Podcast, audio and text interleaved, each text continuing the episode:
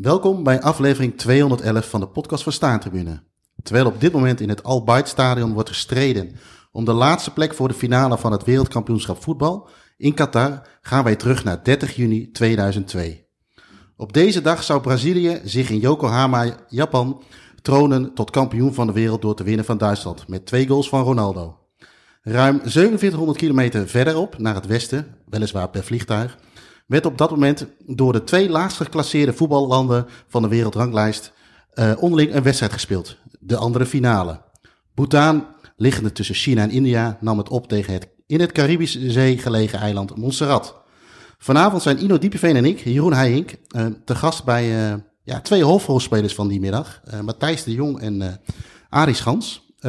Ino, ja, goedenavond. Goedenavond, Jeroen. Uh, misschien eventjes uh, leuk om, uh, ja, ik noem het al dat we te gast zijn in Utrecht, maar even de setting te zetten. We zitten hier in de woonkamer bij, bij Ari. ik zie rechts van mij een, een kerstboom. de heren tegenover ons. Links zien we inderdaad de halve finale waar het nu nog 0-0 staat, net vier minuten bezig. Een cappuccino en een stroopwafel. Dat heb je allemaal goed ja, waargenomen. Ik, ja, ja ja, wat doet dat met jou als je dit zo ziet? Want we hebben, gaan het zo meteen over iets hebben wat natuurlijk totaal iets anders is dan wat we hier links zien. Hè? We zien een WK in Qatar, dubieus besproken, uh, noem maar op. We hebben er ook trouwens een podcast over gewijd. Uh, ja. Met het bezoek van Hans en mij aan, uh, aan Qatar. Maar daar gaan we het nu niet weer over hebben. Maar ja, het is wel een beetje, voelt wel een beetje tegen. Het voelt aan de ene kant warm door die stroopwafel en de, en de kerstboom. maar toch ook wel weer een beetje tegenstrijdig, Het is uh, dezelfde tegenstelling als die de heren tegenover ons uh, destijds misschien wel voor ogen hadden. Ja. Um, eigenlijk alles waar staantribune voor staat, komt wat mij betreft terug in die docu, uh, de All Final. En wij hebben vorig jaar al, uh, terwijl Frankrijk alweer op 1-0 komt, sorry. Maar wij hebben vorig jaar in de Hand van Godkast, Jeroen, al heel even kort over dit onderwerp gehad. Toen het in de week van die 30 juni was. Ja. Um, en toen zeiden we eigenlijk van, nou, het zou mooi zijn als we hier een hele podcast aan kunnen wijden. Ja. Want eigenlijk is de Other Final nogmaals alles waar Staantribune voor staat. Een mooie oude stadions, echte voetbalcultuur. Volgens mij wilde de organisatie de saamhorigheid binnen het voetbal uh, uh, helemaal terug laten komen. Uh, in tegenstelling tot alles wat er in Japan destijds gebeurde en wat er in Qatar nu gebeurt. Ja. waar alles steeds meer lijkt te draaien om geld en om commercie. En uh, nou, dan gaan we zo eens kijken of, dat, uh, of ik daar een beetje mee in de juiste richting zit uh, bij, bij de heren. En, en maar we zijn bij, bij Arie Schans thuis. Een grote ja. eer. Ja, en even voordat we naar Arie en naar Matthijs gaan, in hoeverre had jij al van deze twee landen gehoord? Los van de documentaire die je ik, gezien had. Ik, uh, ja, Bhutan uh, kende ik wel als land, Montserrat uh, niet. Ik ben ooit volgens mij een keer bij het Montserrat oh, oh. klooster geweest bij Barcelona in de buurt. Maar dat, en dat is volgens mij een zangeres, hè? geloof ik ook. Maar ik had nog nooit van het land gehoord. Nee. maar goed, zo leer nog eens wat. Ja, hè? Nou, zo kom je met staantribune nog eens ergens. heren, goedenavond. Arie, Matthijs, bedankt dat we hier even allereerst mochten zijn. Eh, voordat we jullie even gaan voorstellen, hoe voelt het om elkaar weer te zien? Want het, hoe lang is het geleden dat jullie elkaar. Want uh, we gaan zo meteen de rollen nog even bespreken. Maar jullie zijn natuurlijk allebei hoofdrolspelers geweest in het hele verhaal. Hoe lang is het geleden dat jullie elkaar gezien hebben in fysieke toestand, laat ik het maar zo zeggen? Dat weet ik eigenlijk niet. Kijk, voor mij voelt het als gisteren. Als ik Arie zie, dan. Uh, ja. Die heeft zo'n diepe indruk op mij gemaakt. Dat, uh, ja, dat voelt meteen als uh, thuiskomen. Ja. Maar dat moet zeker wel uh, nou, minstens tien jaar geleden zijn, denk ik. Ja, minstens Matthijs, want uh, we hebben Brand natuurlijk gezien in Bhutan. Ja. En toen ben ik nog een keertje uitgenodigd door jullie op jullie kantoor in Amsterdam. Waar jullie een uh, kantoor hebben in een, uh, een kerk. Ja. En dat was de laatste keer dat we elkaar gezien hebben. Maar dat is intussen, nou, minimaal 15 jaar geleden, denk ik. Ja. Dus ik vind het hartstikke, hartstikke leuk dat ik je weer zie vandaag. Ja, zeker, ja. Insgelijks. Doen wij toch met Staantribune, hebben we dat toch weer eventjes... En wij brengen uh, mensen bij elkaar. we, hebben, we hebben een podcast gemaakt over uh, de BNA-boys van Basje en Adriaan. Ik weet niet of, ja, of jullie daar bekend mee zijn, maar die hebben ooit een uh, aflevering opgenomen waardoor waar, uh, ze gingen voetballen tegen voetballetjes uit. Weet je de club nog Vlaardingen? Vlaardingen, ja. En die hebben we ook bij elkaar gebracht, dus misschien zijn wij wel de, de Nou ja, goed, de, de mensen, uh, hier zitten toch wel de mensen die het mooiste bij elkaar hebben gebracht. Ja. Want daar gaan we het nu over hebben, denk ik. Ja, wat laten we even... Echt twee werelden, hè? Ja, wat laten we beginnen... Arie, mag, ja, mag, mag bij Matthijs beginnen, Arie? Ja, zeker. Matthijs, zou je jezelf eens willen voorstellen? Matthijs de Jong. Ja, ik ben dus Matthijs de Jong, een van de initiatiefnemers van uh, die al de final, samen met Johan Kramer. Die is er nu niet bij. Maar wij waren destijds uh, partners in een uh, reclamebureau. Dat heet uh, Kessels Kramer en dat bestaat nog steeds. Ik werk daar nog, Johan niet meer. Die is overigens na die al de final echt fulltime regisseur geworden. Dus die vond het zo mooi. Die dacht van... Ja, smaak te pakken. Die, had smaak te pakken en die dacht van... Nou ja, dit, dit, dit ga ik fulltime doen. En ik zit nog bij uh. Ik ben overdag strateeg, communicatiestratege. Dus ik adviseer ondernemingen en, en organisaties in, in, in hun campagnevoering. Ja. ja. En dus wat jullie gedaan hebben is uit pure hobby. Dus jullie werk had hier niks mee te maken? Of? Nou, in zoverre dat wij zitten dus in, in de industrie van communicatie. En wij zagen dit ook als een uh, research and development, zeg maar. Dus wij wilden heel graag een keer een, een, een wat langere film maken en, ja. uh, en ondervinden hoe dat, uh, hoe, hoe, dat gaat. En, en ook hoe dat is om daar uh, aandacht voor te krijgen en om daar uh, financiering voor te krijgen en uh, ja, wat dat betekent. En, en nou ja, we hadden nooit kunnen dromen dat het zo ontzettend groot zou worden. Dat, dat wisten we ook niet, dat groeide gaandeweg. Maar we hebben er ontzettend veel van geleerd, wat we weer in praktijk kunnen brengen voor onze opdrachtgevers eigenlijk. Ja. ja. Ari, aan jou zou jij jezelf eens aan de luisteraar, die, degene die Arie Schans niet kennen, kunnen uitleggen en vertellen wie jij bent? Dat wil ik zeker proberen. Uh, ik ben Arie Schans. Ik ben uh, afgelopen maandag 71 geworden. Gefeliciteerd nog. Dankjewel. Ik ben uh, vijf jaar geleden helemaal gestopt met het trainerschap. Want ik heb vanaf mijn 19e jaar tot vijf jaar geleden altijd, ben ik altijd voetbaltrainer geweest. Begonnen als assistent-trainer van uh, Frits Kolbach bij FC Wageningen. En ik ben geëindigd in uh, China als uh, assistentcoach bij Changchung Yatai. En daar zijn we nog een keer kampioen van China mee geworden. En dat was een leuke tijd. Bij elkaar dus denk ik, ja, is het? Meer dan, meer dan 15 jaar geloof ik trainer geweest. Ja. Maar ik heb zoveel dingen meegemaakt. Maar linksom of rechtsom. Die de final was toch hetgeen uh, waar ik me het meest van herinner en er met uh, liefde op terugkijk. En ik heb al een keer eerder verteld, als zal ik 700 jaar worden, dat zal ik nooit meer vergeten. Nee, want we zitten nu in, in jullie huiskamer. We kregen net van Matthijs al een, een prachtig vaantje in onze handen gedrukt. met de, de, de, de, het affiche erop, maar ook hier in de, uh, aan de muur hangt een mooi krantenartikel en nog uh, een, een, een, gedeelte van de vlag. Het is echt een onderdeel van, nou, ook, ook natuurlijk van jou Matthijs, maar ook van Arie, echt een onderdeel, een ho nee, hoogtepunt van, van, van je leven tot nu toe geweest. ja, ik denk wel dat je het zo mag zeggen. Ja. Ik vond het hartstikke leuk dat ik toen daarvoor werd gevraagd. ik heb toen ook Matthijs en Johan leren kennen, wat ik ook fantastisch vond, hoe ze mij dat vertelden, ja. hoe hun dat op poten hadden gezet. Dus ik ben zeer, zeer dankbaar dat ik daar uh, aan heb kunnen meewerken. Ja, oké. Okay. Um, Matthijs, uh, ja, je gaf er net al een beetje iets van, van, uh, van, van prijs. Maar um, we zijn in ja, eigenlijk voor 2002 al. Maar hoe is dit idee bij jullie ontstaan? Om hier iets mee te gaan doen? Want wanneer, wanneer is het idee ontstaan? Ja, in feite zijn er twee lezingen. Je hebt de lezing van de film. En dat is dat wij teleurgesteld waren over het feit dat Nederland zich niet uh, kwalificeerde. Hè. Dat was uitgeschakeld in uh, Ierland. Ja.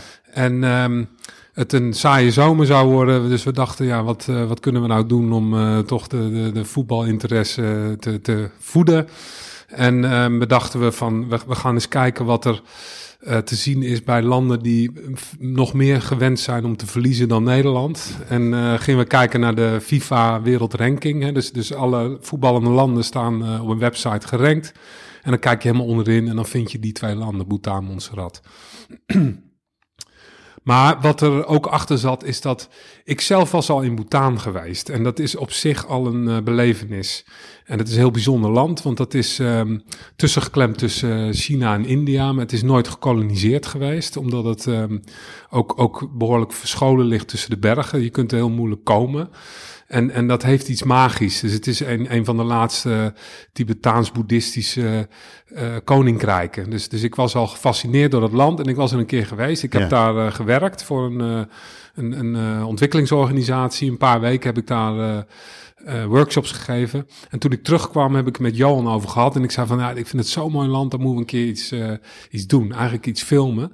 Maar niet wat cliché is uh, wat je vaak ziet, namelijk de, de jaks en de monniken en, en, en de bergen, maar, maar iets, uh, een, een, hedendaags onderwerp. En Johan is helemaal voetbalgek en die, en die ging op uh, internet kijken en kwam erachter dat Bhutan ene laatst geplaatste land was op de wereldranglijst. En zo, zo is dat eigenlijk geboren. Dus het idee van, van Johan om dan te kijken van kunnen we daar niet een wedstrijd voor gaan ja. organiseren. En in hoeverre was dat al meteen voor jullie dat het gematcht moest worden aan die finale in in Japan of, eh, als doel?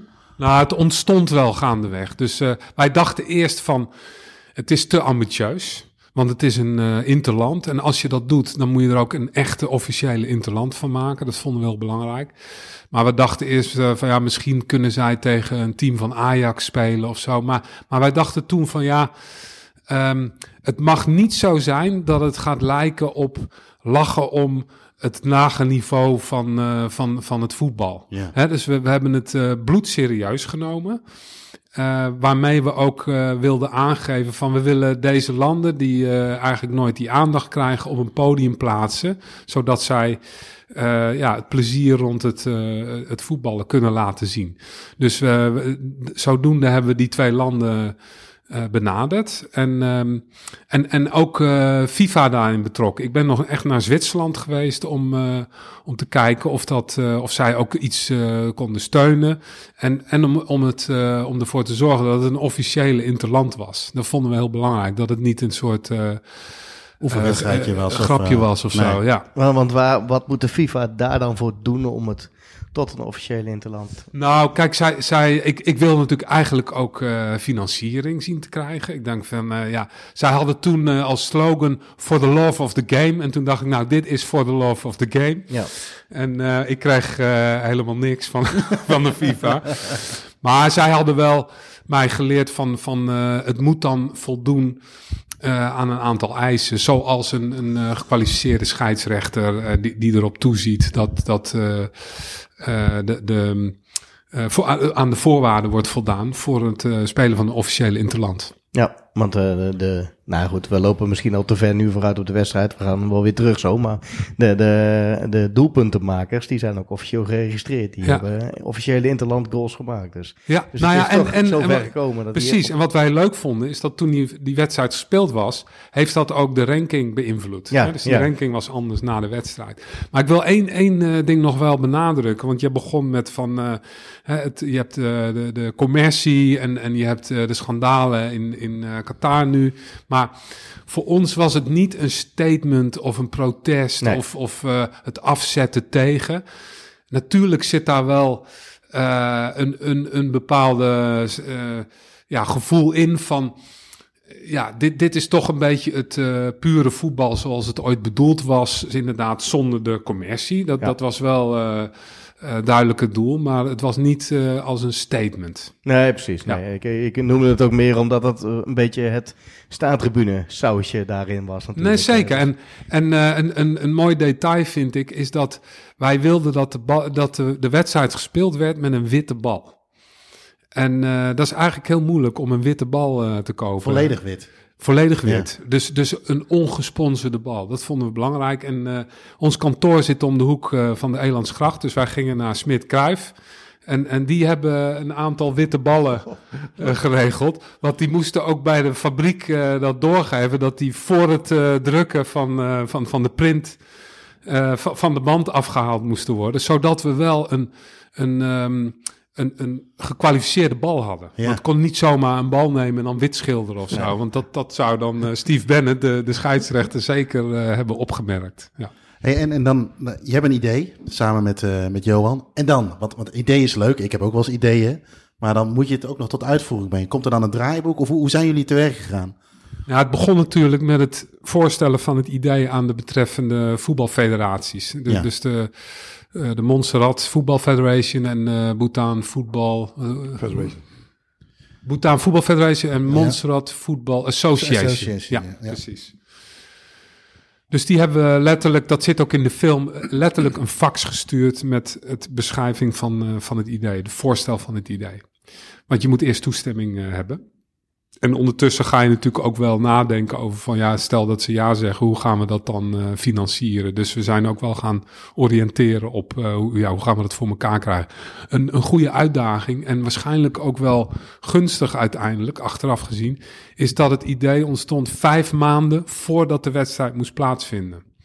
Dus wij hadden een, een hele natuurlijke deadline. We moesten het in vijf maanden georganiseerd hebben. Ja, vanwege die finale. Of, uiteindelijk kwam die finale in Japan kwam steeds meer als, als doel erbij. En dan heb je vijf maanden ja, tijd dus dat, dat uh, ja, we dachten, hè, toen, toen, ontstond het idee van, nou, dat, dat is dan uh, een, een, een soort ja, alternatieve finale, letterlijk.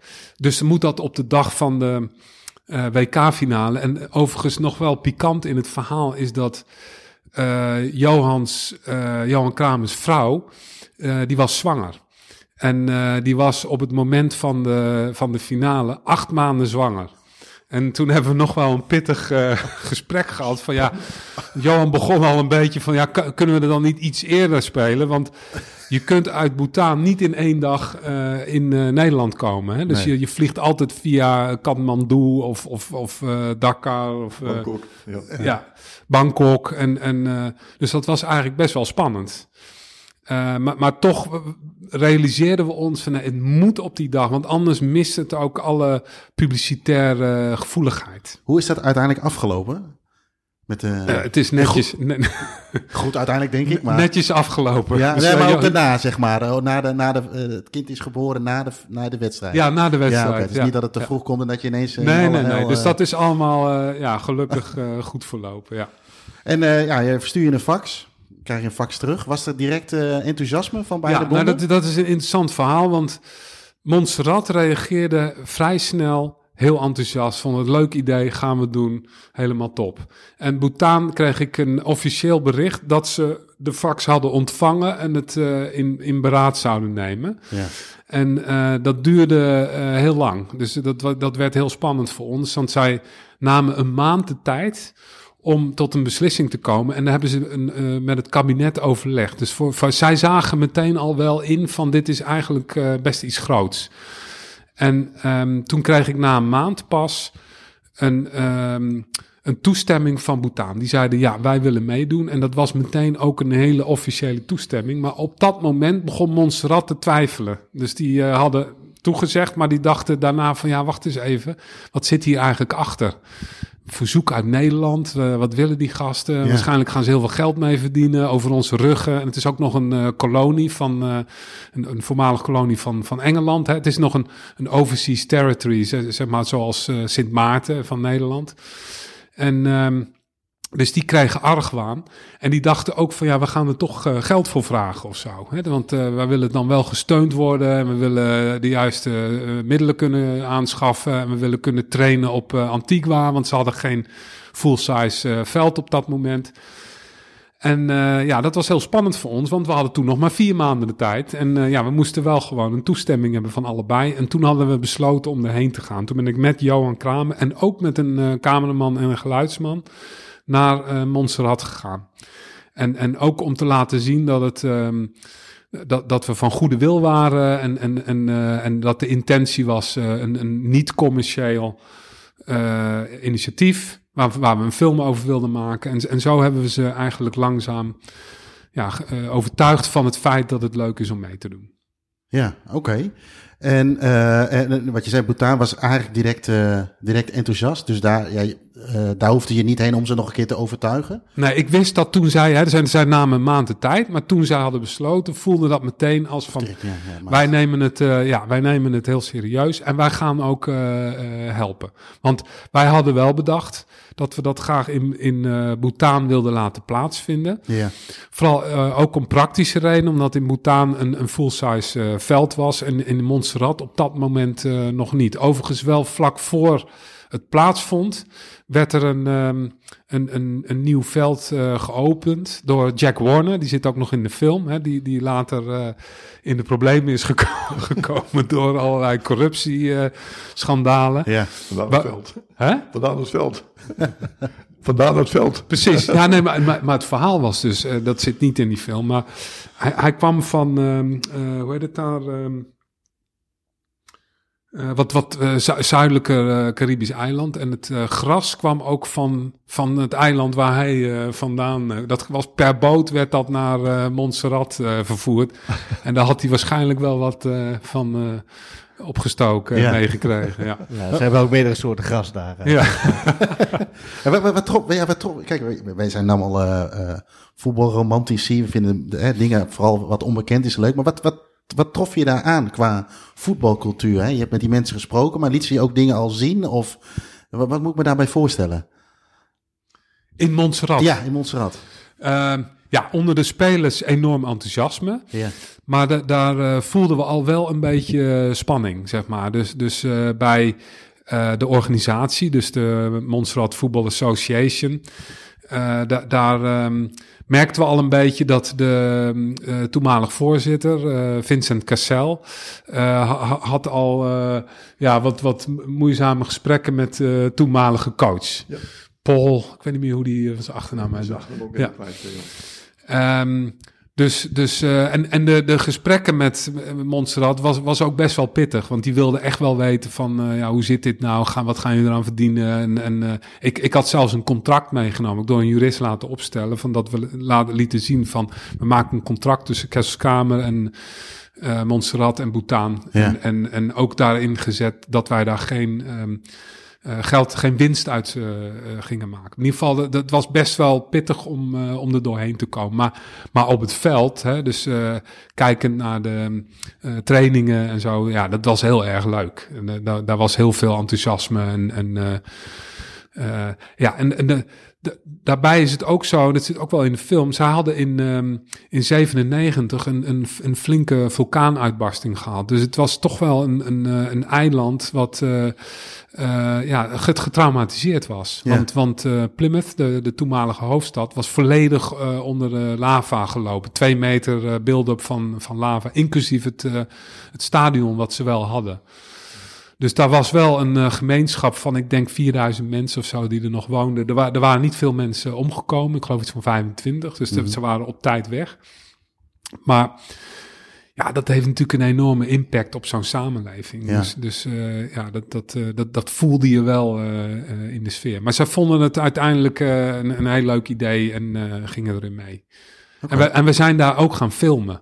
Dus dat was weer een voordeel. Dus we, hadden al wat, wat footage die we door de film konden snijden. Ja, vervolgens komt dan dat liedje, de hele film terug feeling ja. had, had, had. Ja, dat, maar dat, dat is natuurlijk ja, een beetje uh, met, met wel wat zelfkritiek uh, richting die vulkaanuitbarsting, als ik het zo begreep.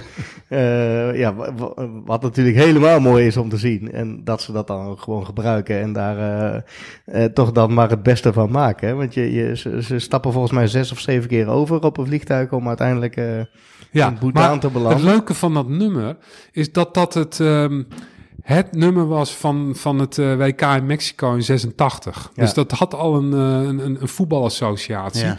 Maar, maar de, de zanger was Alphonsus uh, Cassel. En dat was ook weer familie van Vincent Cassel, de, de, de toenmalige voorzitter van de, van de federatie, van de association. Oh, we kunnen wel heel even een ja. onderbreking maken. Ja. Volgens mij komt de catering langs. Ja, wil jullie thee, koffie? Oh, ik, uh, ik lust nog wel. Ja, ik lust nog wel zo'n bakje oh, cappuccino. Ja, lekker.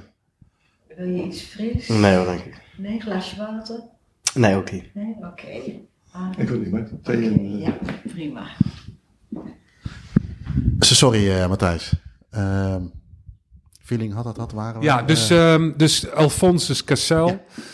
Uh, die de so die uh, mede uitvinder was van de, de soca, hè, soul en calypso, een uh, mix. En, en wereldberoemd was geworden van dat nummer. Ja, die woonde op Montserrat. En, en ja, dat, dat, dat was een, een mazzeltje eigenlijk. Ja. En die wilde ook wel meewerken en die hebben we geïnterviewd. En, uh, ja. Hadden jullie met z'n tweeën een, al een bepaalde rolverdeling? jij en Johan? Dat je zegt van nou, ik doe dit, ik doe dat. Of was dat echt een samenspel dat je en naar Montserrat ging en later ook in het hele traject? Nou, Johan is filmer en regisseur en die heeft wel het, het hele plot geschreven en, uh, en bedacht, min of meer. Hè? Dus dat, je, je laat je natuurlijk leiden door, uh, door, door wat je niet kan voorspellen, door, door, uh, door de werkelijkheid, wat er gebeurt. Maar hij had al wel een soort van beeld. Overigens, wel interessant is dat hij wilde geen um, voice-over in beeld. Of in, in eronder hebben. Nee. Dus geen, geen voice-over als geluid. Dus hij wilde dat de mensen zelf het verhaal vertelden. En, en wij wilden ook niet zelf in beeld. Dus het, het was nooit het vooropgezette idee dat ik zelf in die film zou komen. Nee. Um, en dat wilde ik eigenlijk ook liever niet. Had ik niet zo'n zin in. Dus, dus alle opnames in uh, Montserrat bijvoorbeeld zit ik nergens in. Want dat was niet idee. Maar op een gegeven moment gaandeweg merkte hij als, uh, als, als regisseur, als filmer, dat hij toch iemand nodig had om het verhaal te vertellen, om het aan te kondigen. En, uh, dus als je die film kijkt, er zit geen voice-over onder. Maar, maar dat, dat moest ik op een gegeven moment worden. Ik moest eigenlijk uitleggen van, uh, nou, dit, zo, dit is de, het idee wat is ontstaan. Ja. En zo werd ik uh, ja, ongewild uh, in, in die film gezogen. Dus het was geen vooropgezet idee. Ik was gewoon organisator, zeg maar. Ja, ja. En toen kwam Hollywood. ja, toen had uh, Jean-Claude Van Damme een stand-in nodig. Ja. hey, en uh, oké, okay, uh, wat ik me nog even schoot me net te binnen. Hebben jullie wel eens het idee gehad ehm, dat iemand anders dit ook zo'n idee heeft gehad, zoals jullie nu uitgevoerd hebben met die Order Final? Zo, zo'n idee van de, la, de laagst geclasseerde landen tegen elkaar laten voetballen en daar iets mee te doen. Heb, heb je dat idee wel eens gehad? Dat of? weet ik niet, maar kijk, het is niet helemaal nieuw om de, de slechts, de slechtst presterende van een sport. Hè. Volgens mij is er ook een film gemaakt over het bobsleigh-team uit Jamaica. Zoiets, hè. Dat is ook cool zo'n soort... ja. Uh, ja, vind ik ook zo'n soort idee eigenlijk. Hè. Dus dat, dat is zo uh, curieus eigenlijk. En dan, dan voel je gewoon dat dat uh, ja, interessante inhoud oplevert. Oké, okay, um, de jongens van Montserrat die komen richting... Bhutan uiteindelijk, geloof ik ook met een enorme, volgens mij via Amsterdam, als ik het goed heb Klopt, gezien. ja, wij, wij, wij zijn ook naar de KLM gegaan. En we zochten natuurlijk allemaal manieren om delen gefinancierd te krijgen. En ja. uh, wij, wij hadden ook uh, KLM uh, benaderd. En, en, en die vlogen ook, ik geloof van Antigua naar, naar Amsterdam, zoiets. Hè? Dus dan gingen ze met de boot en, en dan Antigua, Amsterdam. En dan, en dan Bangkok inderdaad. Oh ja. dat, dus dat kon KLM doen. En, uh, en het aardige was dat we ook een, um, een, een filmploegje naar uh, Schiphol hebben gestuurd. Dus zo hadden we ook weer wat footage. Konden we dat in het verhaal opnemen. Ja. Maar die, die, die hebben een enorme tocht uh, ja, dat ben ik zeker. gehad. Ja. Ja. Ja, dat zal voor hun ook wel een, een, een, een ja, letterlijk een wereldreis geweest zijn. En dan ben je uiteindelijk in, uh, in Bhutan. Uh, wat, wat, kom je daar tegen, zeg maar, als, als, uh, om dingen te organiseren? Want ja, je hebt een veld, maar we hebben de documentaire gezien. Dat is natuurlijk ook niet een, was ook geen biljartlaken. Er moest natuurlijk een hele hoop gebeuren. Maar een van die dingen, ik wil ook al langzaam even richting Arie natuurlijk toe, is er gebeurde bijvoorbeeld ook iets. Nou ja, één, de, de spelers van Montserrat die kwamen al later aan. He, die hadden door slecht weer in moet je me heel even helpen. Maar... Bangladesh, ja. Dus die hadden een tussenlanding in Bangladesh. En daar was een enorme uh, storm. Dus die, die moesten daar een extra nacht uh, blijven. Dus ja. ja, dat was allemaal heel spannend, die dingen. Dus uh, het voelde toen wel als het zwemmen in een zee van tegenslagen, zeg maar. Want wat later kregen ze volgens mij ook nog last van... ja, liepen ze een infectie op of een virus op, geloof ik. Waarschijnlijk in Bangladesh. Uh, ja, in, of in Bangkok. Hè, dus zij moesten ook wennen aan het eten. Dus het anders eten. Dus uh, een aantal kreeg uh, last van buikloop. En gelukkig had Vincent Cassel, die had zijn vrouw meegenomen. En die was verpleegster ook. Ja, hè, dus zij, die had een hele, een, een, hele grote tas met medicijn bij zich. Maar zij kwamen een beetje gehavend aan. Dus wij maakten ons wel zorgen over van oké, okay, hoe hoe gaat dat lopen? Ja, ja en, en, en dan, uh, ja, in, dan, kom je, ja, dan, heb, dan, ben je, dan ben je er al. Uh, uh, dan, ga je, ja, dan moet je daar ook nog dingen geregeld worden. Ik, ik zag bijvoorbeeld, of wij zagen in de documentaire. jullie hebben wel wat hobbels gehad, of met name jij en Johan, denk ik, qua organisatie. ineens vielen de coaches weg, letterlijk en figuurlijk. scheidsrechters waren die. Wat, wat, kun je, wat kun je daarover vertellen? Want uiteindelijk komt natuurlijk Arie in beeld. Ja, dus het was inderdaad zo dat ehm, heel veel dingen zaten tegen. Dus de, de coach van uh, Bhutan, die, uh, die, die werd ziek. En die, die had, uh, volgens mij had hij um, darmkanker of zoiets. Mhm. En die, die, die, die werd naar Bangkok gevoerd om geopereerd te worden. En die, die is in de operatie gestorven. Ja. En, en dat was ja, een, een, een, een, paar maanden voor, voor de wedstrijd. En, en, en um, in Montserrat kreeg de coach uh, ruzie met uh, Vincent Cassel, wat ik al zei. En, en uh, hij was een Engelsman, overigens. Die, hij was politieman op, op Montserrat. En, en hij trok zich terug. Dus hij, hij had zoiets van, ja, ik kan, ik kan niet voldoen aan het plan wat ik heb. En ik doe niet mee. Ja. Dus we hadden in één keer twee teams die geen, geen coach hadden. Daarbij was het zo dat... Ik, had, ik ben naar de Football Association in Londen gegaan. Heb ik een afspraak gemaakt en ik wilde eigenlijk dat zij uh, uh, ook, ook zouden bijdragen. Want we hadden echt wel financiering nodig. En, en Montserrat natuurlijk een overseas territory. En ik had ook voorgesteld of zij, dat, dat zij een scheidsrechter zouden leveren. Maar zij zeiden toen van nee, ja sorry, wij doen niet mee. We hebben er ook geen tijd voor, want wij zitten in het WK. Wij moeten alle, alle energie en aandacht in het WK steken. Dus ik had ook niet echt een scheidsrechter. En toen hadden we een, uh, vol, volgens mij via Bhutan, die hadden geholpen om uh, een scheidsrechter te regelen uit India. En dat vond Montserrat geen goed idee. Dat vonden zij te partijdig. Te dichtbij. Te dichtbij. Ja. En ja, dus we hadden daar ook een uitdaging. Dus zonder coaches en zonder scheidsrechter. En het begon behoorlijk te dringen qua tijd. Ja, want dan, want hoe heeft uiteindelijk Montserrat dat opgelost met de coach? Ja, Montserrat heeft uh, gewoon een andere coach aangewezen. Een, een, uh, een vriend van uh, Vincent Cassel. En hij had ook zijn zoon meegenomen. Hè? Die, die, die, had hij als reservekeeper meegenomen. Die was 16 volgens mij. dus hij had zijn hele gezin meegenomen. En ehm, ja, dat, dat kon allemaal. Dat was allemaal prima. Dat konden zij gewoon zelf bepalen. Ja. En, uh, en voor Bhutan dacht ik van, uh, ja, ik ga bij de KNVB uh, aankloppen. Ja, en zo, dat is het bruggetje naar, naar, naar Arie. Naar Arie, ja. ja want dan, Arie, ik, ik, ik, ik maai het gas even voor je voeten weg, maar jullie, waren jullie waren, stonden op het punt om op vakantie te gaan volgens mij naar Zwitserland. Ja, dat klopt. En dan krijg je ineens een telefoontje. Dan zit je in de kaartenbak van de KNVB blijkbaar. Ja, ik, ik was op dat moment docent voetbalopleiding bij de KNVB. En ik was vooral de persoon die die cursussen met name in het buitenland gaf. En om die reden denk ik dat ze bij mij terechtgekomen zijn. En ik had natuurlijk al in Japan gewerkt en uh, cursussen gegeven in diverse landen. Ja. Dus ik kreeg toen de uitnodiging uh, in een heel laat tijdstip. Ik denk vijf of zes weken voordat die wedstrijd gespeeld werd. Ja. En toen, toen vroegen ze bij de KVB, Arie, zou je naar uh, Bhutan willen als bondscoach?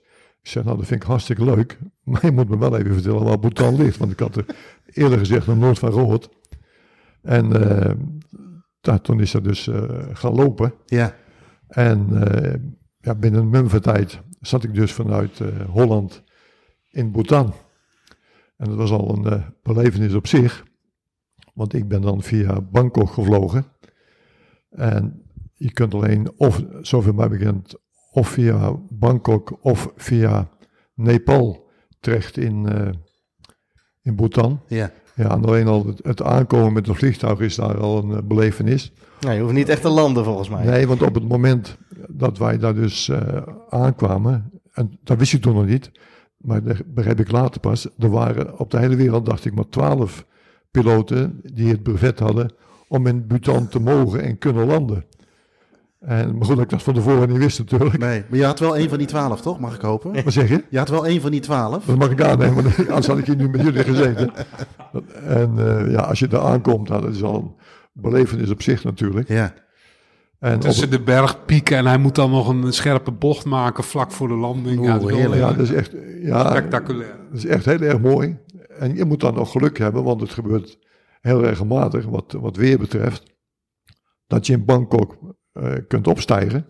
Maar dat je dan, als je er bijna bent, te horen krijgt, ja, Bhutan is niet uh, mogelijk om, om te landen. Oh. Dus, en dan ga je weer terug Ga je weer terug. naar Oh. Bangkok. Hè? Dus je moet gewoon geluk hebben dat het weer een beetje meespeelt, dat je daar uh, terecht kunt. Ja. Dus uh, toen, zat, toen bevond ik me plotseling in Bhutan. Uh, het leuke daarvan was, eh, ik had natuurlijk een hele andere invalshoek dan Matthijs jullie net verteld heeft. Maar je bent in principe toch voetbaltrainer. En eh, later gaat natuurlijk iedereen zeggen, ja, dat is ook wat. Een hond over het veld of een koe in het veld. Ja. En dat, dat lijkt dan eh, heel grappig. Maar als, als trainer en als speler ben je er op een andere manier mee bezig. Want hoewel het de twee landen waren op de FIFA-ranking die laatst en ene laatst stonden, hebben zij natuurlijk precies dezelfde instelling als de jongens die daar nu op tv aan het voetballen zijn, Marokko en Frankrijk. Ja. Want die willen wedstrijden spelen en ook graag winnen. Dus eh, wat, wat dat betreft is dat een hele andere invalshoek, dat je veel meer in het voetbal bent, eh, bent vastgepind. Ja. En het grappige was toen ik daar aankwam, toen werd ik ontvangen door de voorzitter van de Bhutan eh, Football Federation. Eh, Mr. Wangchuk heette hij. En op dat moment wist ik dat nog niet, maar hij vertelde me dus dat hij eh, de voorzitter was van de bond. En een dag later hoorde ik dat hij ook minister van Buitenlandse Zaken was. Dat was wel heel grappig. Dus eh, ik kwam eraan en dat is echt ongelooflijk. En Johan zei al, het is een heel speciaal land. Er zijn zoveel aardige mensen. En ik kreeg daar gelijk al een, eh, een beeld van. Want die, diezelfde minister van Buitenlandse Zaken, die vroeg mij, waar is je vrouw? Ik die is gewoon thuis. Ik zei, want ik kom hier om, om trainer te spelen. Ja. Nou, en ik zal niet overdrijven, maar ik denk dat binnen een uurtje of vier was het geregeld dat eh Loes, mijn, Ja. mijn vrouw, Jamila, mijn dochter en haar vriend, Keiji, ook een ticket eh, was geregeld. En die mochten erachteraan komen. Het, het zijn zulke aardige mensen. Dus ja, dat was al mijn eerste ervaring. En uiteraard begrijp je, een unieke ervaring. Ja. Hoe, hoe werd het overigens eh, gereageerd thuis toen jij dat belletje kreeg en jij zei van nou, dat lijkt me wel wat? Of waren ze dat al een beetje van jou gewend? Ja, we hadden het al een paar jaar van tevoren meegemaakt. Eh, toen was ik trainer bij, ik dacht bij GVVV in Veenendaal. Jou wel bekend, Ino? Zeker. En toen was ik ook al in dienst van de KNVB. En voetbaldocenten die kregen iedere maand een, eh, zoals ze dat noemden, een eh, voetbalbulletin. Met de laatste nieuwtjes en de laatste nieuwe manier van trainen. Ja. En daar stond toevallig één keer een advertentie in. En daar zochten ze een eh, voetbalcoach voor Japan. En ik had de bulletin 's morgens gekregen en we zaten 's middags aan de, de lunch. En ik zeg tegen Loes en mijn dochter Jamila. Ik zeg, kijk eens, er staan advertenties voor een eh, trainer in Japan. Zal ik daar eens op eh, reageren? En ze zeiden bijna een beetje lachend. Hahaha, dat durf je toch niet. dus ik heb eh, daarop gereageerd. Ja. En ook dat ging hout op de botel. Vier weken later zat ik in Japan. dus het ging allemaal vrij snel. Dus Ja. ik was er een beetje aan gewend. Ja. Maar het was natuurlijk toch wel eh, uniek. In dit geval naar Bhutan. Fijne avond. Moeten we Loes nog even eh, om bevestiging vragen dat dit verhaal klopt, Arie? Of spreek je ook voor Loes? Nee, dus het, het zat er allemaal een beetje in. En uiteindelijk is het natuurlijk ook prettig als je familie dan eh, dicht eh, bij je is, toch? Maar ook met zo'n avontuur. Ja, dat is natuurlijk hartstikke leuk. Eh, We zijn wel gewend hoor. Ik, ik heb jaren in, in het buitenland gewerkt. Ja. En we zijn heel vaak bij elkaar gescheiden geweest.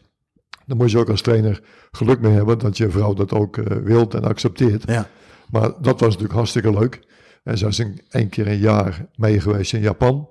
Dat was heel leuk. Maar in Bhutan, ja, dat maak je natuurlijk niet, eh, niet meer mee om daar eh, zo'n periode te kunnen zijn. Nee. En, en, en wat, wat tref je daar dan aan? Want je, je hebt je ke- kennis gemaakt met eh, de voorzitter van de bond, die ook toevallig dan minister is van, van Buitenlandse Zaken.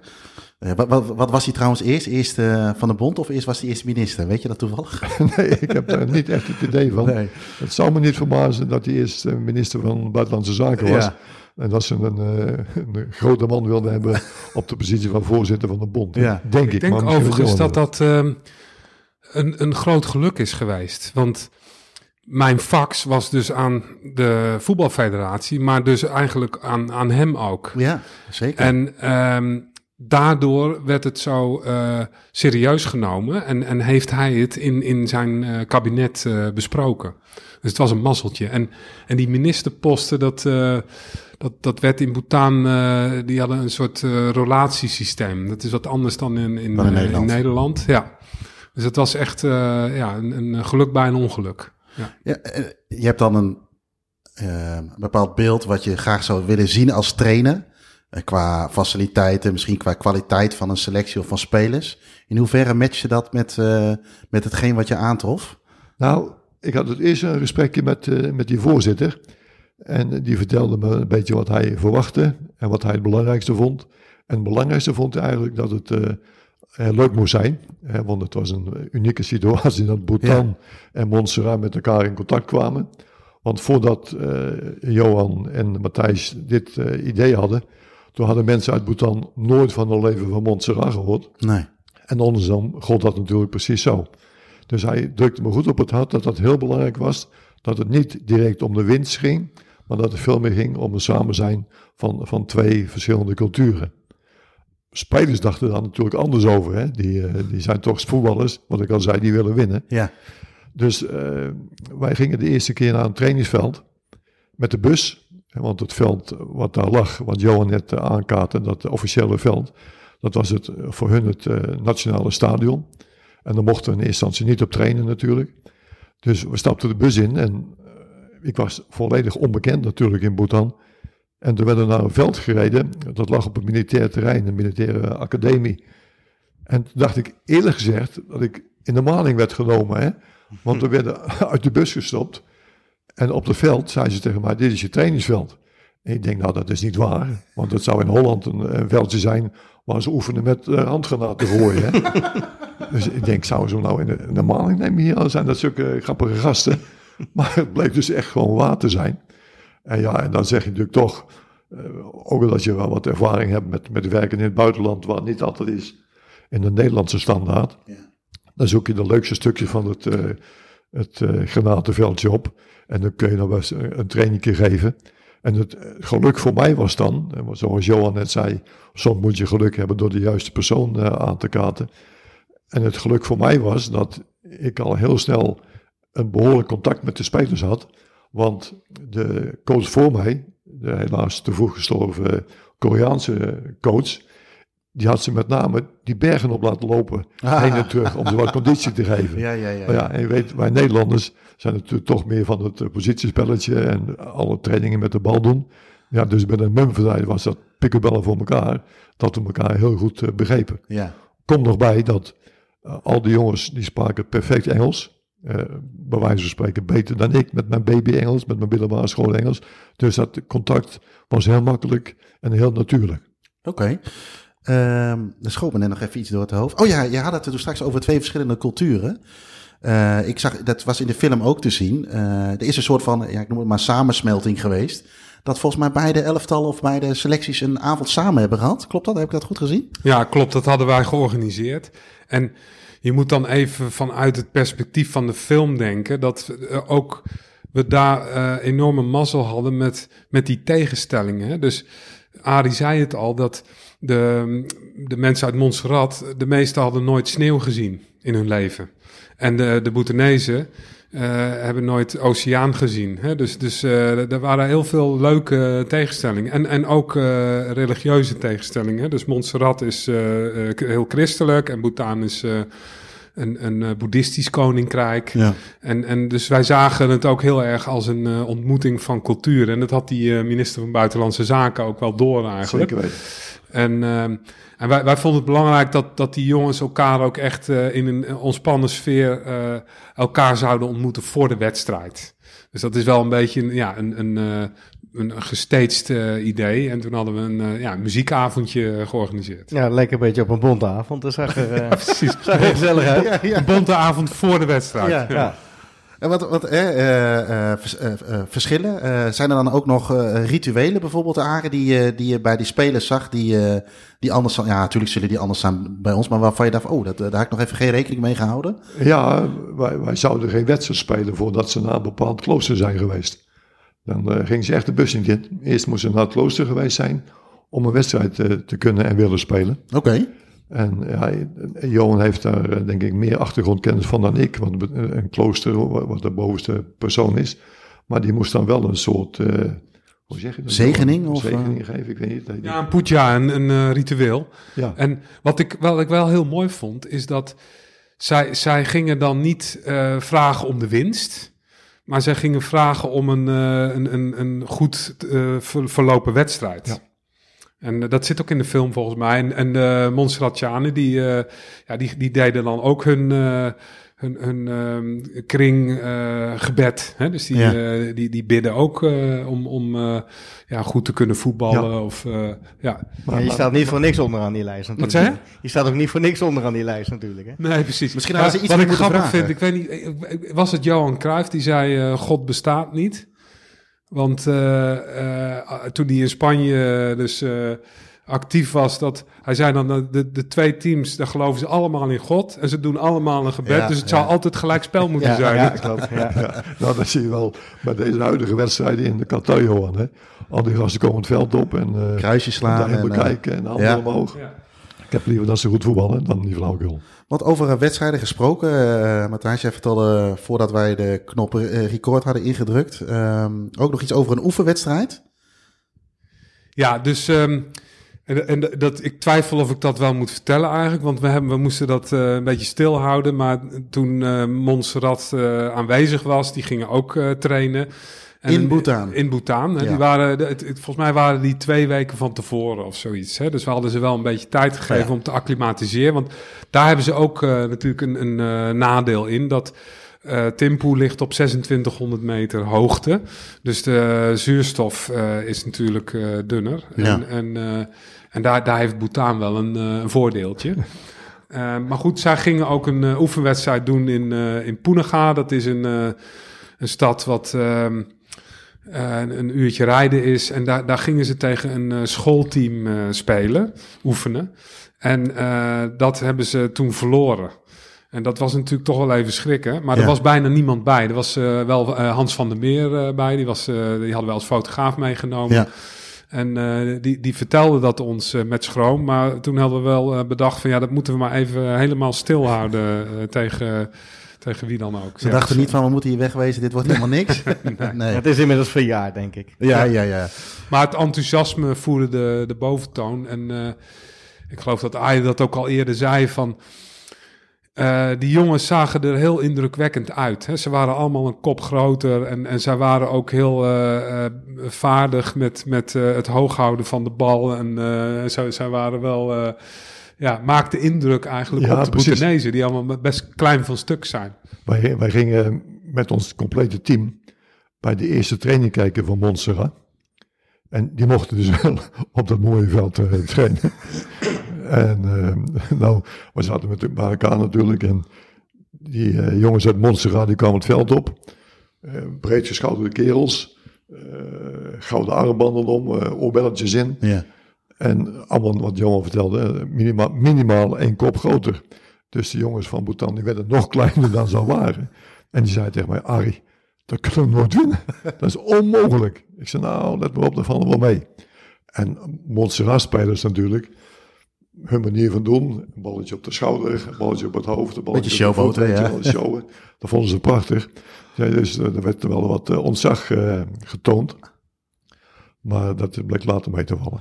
Ja, want wat, wat, wat kun jij dan als, als trainer of als, als bondscoach, hè, wat, wat kun jij nog doen dan? Hè, zonder, we hoeven niet heel technisch te worden, maar jij ja. komt vijf, zes weken van tevoren, hoor je iets. Dan, dan ja. heb je dan een plan of wat, wat, wat wist je al van de spelers?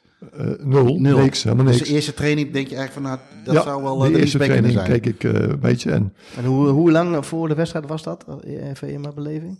Ik, ik denk, ik, Johan zei straks wat langer, maar ik denk dat ik vijf weken van tevoren was. Ja, voordat de wedstrijd... Op, op zijn hoogst, ja. Ja, ja. misschien wel eerder vier.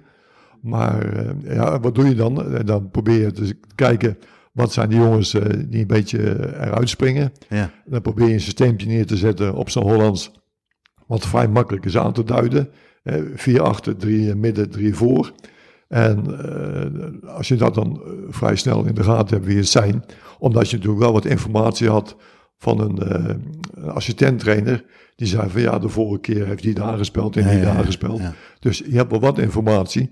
Maar ja, die was dan ook niet zo heel fantastisch, want de laatste oefenwedstrijd die zij gespeeld hadden, dat was tegen Saudi-Arabië. En die verloren ze met 20-0 geloof ik. En daar krijg je toch niet een stukje zelfvertrouwen van. Nee. En nee. vandaar dat ik al zei straks, op de Hollandse manier trainen gaf de jongens heel veel plezier. En daardoor waarschijnlijk meer vertrouwen ja. dat het allemaal goed kwam. Langzaam naar, even naar de wedstrijd toe. Ik, uh, ik pak even het, uh, noem je dit een vaantje trouwens? Of heeft dat een andere naam? Ja, een vaantje. Ja, een vaan. er staat ook het naam, de naam van het stadion op. ik durf me niet zo goed eraan te wagen, maar ik ga het toch proberen. Het Changlimitang Stadium, zeg ik het goed? Ja, dat is correct, zeker. Ja. wat, wat, wat is of was dat voor stadion op dat moment? Ja, het is een multifunctioneel stadion waar, waar ook de grote uh, officiële uh, landelijke vieringen zijn. Dus het wordt ook wel veel gebruikt voor uh, het vieren van de verjaardag van de koning en, en ja, dat soort zaken. Okay. Dus er is ook een soort koninklijke loge, hè, een soort van officieel gebouwtje. En dat, dat zit precies tegen de middenlijn aan. En dat was overigens meteen ook weer een uitdaging. Hè. Een van de, van de hobbels die we moesten nemen. Want Johan had bedacht, Johan Kramer, van we zetten een camera precies bij de middenlijn. Maar dat mocht niet, want, want je mag niet met de rug naar de, naar, naar de, de koninklijke familie uh, opstellen. Dus, dus wij moesten dan ietsje, ietsje uit het midden. We hadden een soort podiumpje gebouwd. En daar hebben we heel veel moeten lobbyen, zeg maar, met, met uh, de, de hoofd, de chief protocol. Hè. Je, je had een soort van hoofdprotocol die, die precies uh, de, de, ja, de, de regels wist en, en, uh, en, en aan vasthield. Ja, want je hebt het over camera. Tegenwoordig heb je 120 camera's om een veld heen. Maar hoeveel camera's hadden jullie bij je? Eén? Ja, of? nou dat, dat, dat was ook een uitdaging. En, je, moet, je moet je toch voorstellen dat het een beetje pre-digitaal tijdperk is. Dus uh, er was al wel de eerste voorzichtige digitale opkomst. Maar wij hadden geen... Um, uh, digitale uh, camera's mee, wat je nu zou doen. En Johan wilde ook op 16 mm schieten. Want die, die wilde ook een beetje dat vintage gevoel hebben van, van hoe, hoe, hè, hoe voetbal was. Ja. Dus we hadden twee 16 mm camera's bij ons en wat videocamera's. En uh, dat was een, een grote uitdaging als filmen. Want uh, ja, nu heb je, weet ik veel, 25 of misschien wel 50 camera's in zo'n stadion die, die alle kanten op kunnen. Maar daar had Johan dus één vaste camera op de middenlijn en hij had één uh, mo mobiele 16 mm. Maar hij had bijvoorbeeld ook uh, vaste videocameraatjes achter het goal uh, opgesteld. En die had hij gewoon aangezet vanaf het begin van de wedstrijd. Die hebben gewoon de hele, hele wedstrijd doorgedraaid. Ja. En je had de, de BBS. Uh, dat was de, uh, de nationale uh, omroep, zeg maar. En die, die filmde ook met, met video. En um, daar hadden we van tevoren mee afgesproken dat we daar uh, footage uh, van mochten krijgen. Okay. En, en, uh, en Johan had ook nog wat 8 mm camera's uitgedeeld. Dus hij had een, een, een heel arsenaal aan, aan, aan audiovisuele input. En hoe, in hoeverre werd dat, want jij noemde de BBS net, hè, de lokale. In hoeverre werd dit al gaandeweg jullie hele traject opgepikt vanuit het buitenland? Of werd het al opgepikt vanuit het buitenland? Uh, nou, dat, dat, dat uh, was natuurlijk toch, toch pas kort van tevoren. Want uh, ja, je, je, je krijgt pas echt aandacht als er momentum is. Maar het was inderdaad zo dat we gingen dat toch wel opzoeken. En, en we hebben de lokale krant al benaderd van tevoren. En die schreven er al even over als aankondiging. En we hadden een uh, Japanse productiemaatschappij uh, bereid gevonden om, om mee te helpen. En ook mee te financieren. Dus, dus dat was ook een deel van, uh, van de, de, het mogelijk maken van, van het hele gebeuren. Ja. En, en die hebben ook geholpen met het naar buiten brengen van, van het verhaal. Dus we hadden in Azië hadden we al een beetje tractie voor wat betreft uh, de bekendmaking. Maar het was pas eigenlijk uh, uh, ja, tijdens en, en vlak na de wedstrijd dat het echt naar buiten kwam. En dat was toen ook wel echt een uitdaging om meteen de, de juiste footage en beeldmateriaal het land uit te krijgen. Dus wij, wij hebben ook samengewerkt met, met de krant en de BBS om, om dat voor elkaar te krijgen. Dus met, met, zelfs met een satelliet, wat, wat, wat we van BBS mochten gebruiken om ja, om het, om het in de nieuwswires te krijgen. Oké, okay, ja, tegenwoordig doe je het een beetje uploaden of je hebt op een, ja. op een het, allemaal digitaal inderdaad wat je zegt. Uh, Oké, okay, uh, de wedstrijddag zelf, 30 juni 2002. Wat, wat, hoe, hoe zag die dag eruit, Arie? Van, uh, hey, je staat op, je denkt van, nou, dit, dit wordt iets bijzonders. Dat heb je al natuurlijk in je, in je achterhoofd zitten, denk ik. Ja, ja het grappige was natuurlijk al dat we te horen kregen dat de scheidsrechter Steve Bennett zou zijn. De Engelsman. Ja. Hè, dat was op dat moment een uh, scheidsrechter die floot Champions League en dat soort zaken. Ja, ja toch heel even als ik mag aanvullen. Dus de FE had afgezegd. En toen Engeland eruit vloog ja. in het WK, toen namen ze een contact met mij op. En zei nou weet je, we willen eigenlijk toch wel helpen. En die hebben toen inderdaad echt, ik denk dat het een paar dagen van tevoren was, dat Steve Bennett uh, invloog. Oh, en het was echt een uh, godsgeschenk ja. dat dat gebeurde.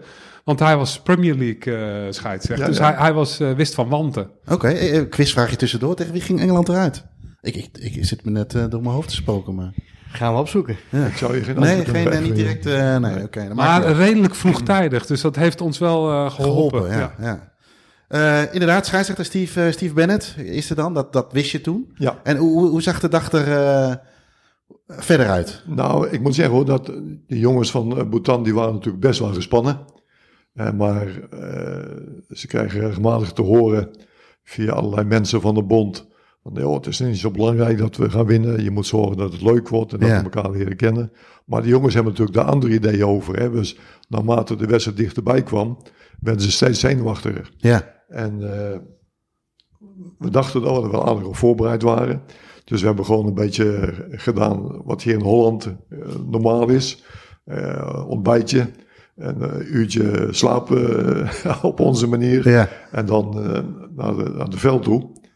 En uh, toen bleek dus dat het de nacht ervoor ongelooflijk geregend en gehoogst had. Dus het was er even spannend s ochtends of het überhaupt doorging. Ja. Maar er waren zoveel mensen die meewerkten om met sponsen en allerlei andere mogelijkheden toch wat water van het veld te krijgen. waardoor het uiteindelijk toch gelukt was op het moment van aftrappen dat het veld bespelbaar was, laat ik het zo zeggen. En met bespelbaar bedoel ik dan dat het redelijk droog was. Ja. En uh, de kuilen waren natuurlijk niet weg. Maar ja, dat was daardoor de situatie die gegeven was. Ja. En uh, onze tegenstander Montserrat, die had de mogelijkheid gehad om daarop te trainen. Dus die moest er ook aan gewend zijn. Ja, en dan, dan begint uiteraard die wedstrijd. Hè? Ja. En uh, toen hadden we in zoverre geluk. de jongens toch wel gespannen. En ik denk te mogen zeggen dat dat gold voor de spelers van Bhutan maar ook voor de kerel van Montserrat, hoewel ze enorm wel uh, stoer deden. En ons geluk was, en met ons geluk bedoel ik dan Bhutan, dat de eerste vier minuten, geloof ik, kreeg Montserrat twee kansen. En die de gemiddelde schoonmoeder gemaakt had. Maar hun dus niet, gelukkig. en toen bleef het nog 0-0. Ja. En toen maakten wij 1-0. Omdat uh, de keeper van uh, Montserrat een stuitbal dacht op te vangen. Ja. Maar die stuitbal kwam net dat stuitje op een stukje gras wat er nog wel stond. En die vloog plotseling zo woep, over zijn schouder de goal in. Ja. En toen was het 1-0 voor ons. Ja, die leek redelijk houdbaar Ja, ja, ja, En toen, toen, leek het wel alsof op dat moment de jongens van Bhutan allemaal groter werden dan de kerels van Montserrat. He, want uh, Bhutan die krijgt uh, plotseling de geest. En, en uh, Montserrat was toch al wat aangeslagen. Want die dachten natuurlijk van nou, die kleine kereltjes, dat moet geen probleem zijn.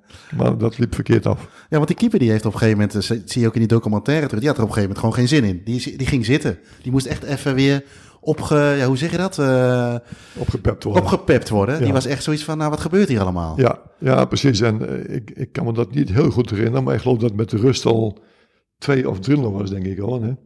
Ja, ik zat te denken. Ja, toen was het eigenlijk wel uh, gelopen race natuurlijk.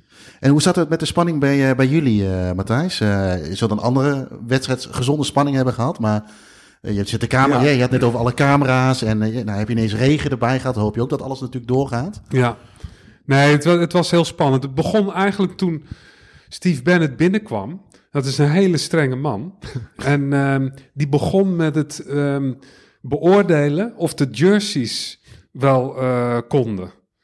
Hè, dus dus of, of er voldoende contrast was. Oh, en, zo. ja, ja, ja. en ik legde hem uit van ja, sorry, maar dat is uh, al helemaal bepaald. Want we hebben al uh, uh, gefilmd. En nee, dat, dat moet zo blijven. Anders dan wordt dat verwarmend in, in de film. Ja. Daar trok hij zich niks van aan. Hè? Dus het was echt van nee, dat bepaal ik. Regeltjes. Want het, ja, dat, is de, dat zijn de regels. En, en zo waren ook de goals, die waren zilverkleurig geschilderd. En die moesten overgeschilderd worden. Allemaal dat soort dingen. Dat was allemaal ja, twee dagen van tevoren of zo. Ja. Ja, en het grappige was ook, uh, een dag voor de wedstrijd toen wilde Bennett graag dat de, de coaches van de beide landen bij hem kwamen om de zaak door te nemen. Dus hij had zo'n, eh, zo'n eh, denk ik, internationaal briefje wat er allemaal moet gebeuren bij die wedstrijden. En er stond bijvoorbeeld op eh, tien uur verzamelen. vijf over tien uit de kleedkamer komen. Ik zei, dat doen we met alle plezier, maar we hebben alleen geen kleedkamers.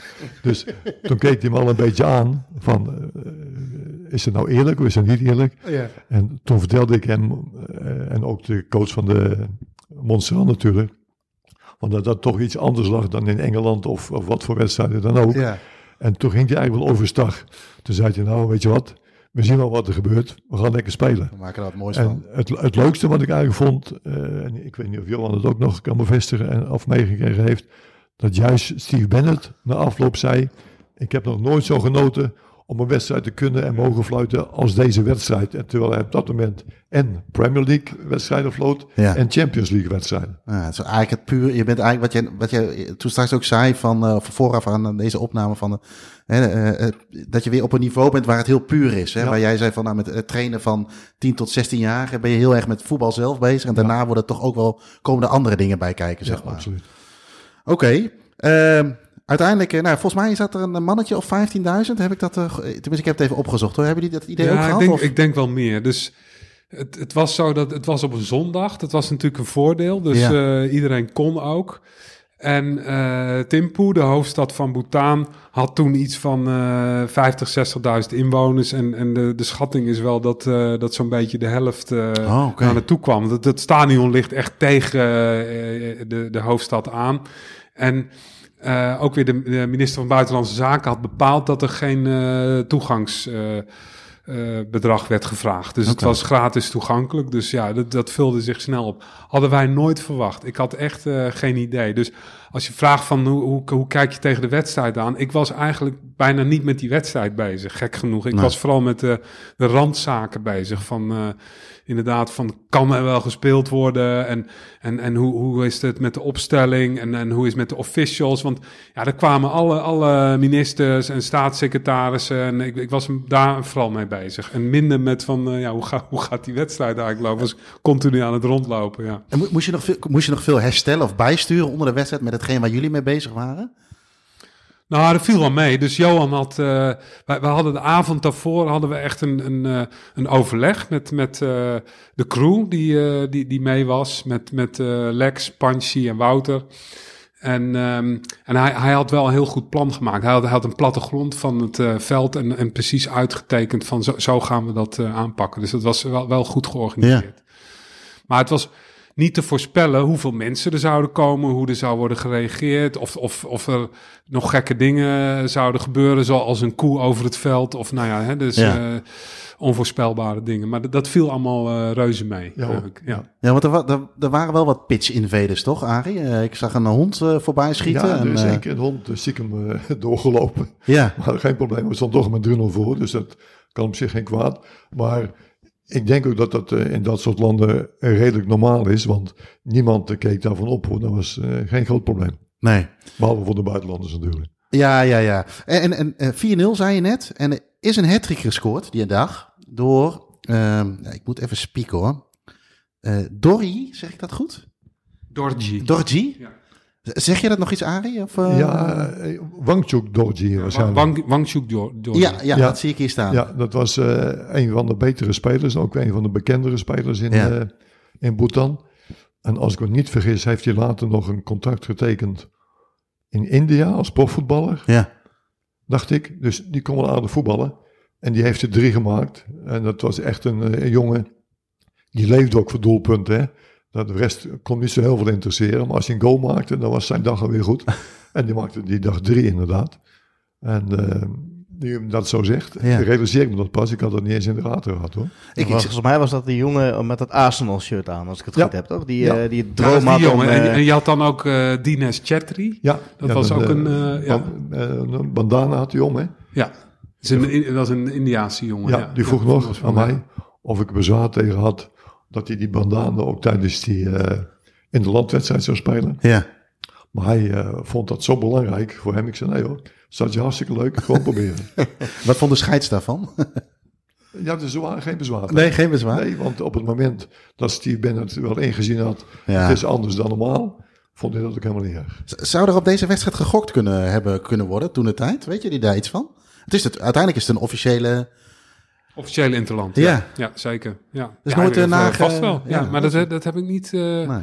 gehoord. Ik zat overigens eh, voor een deel ook naast de staatssecretaris van Buitenlandse Zaken.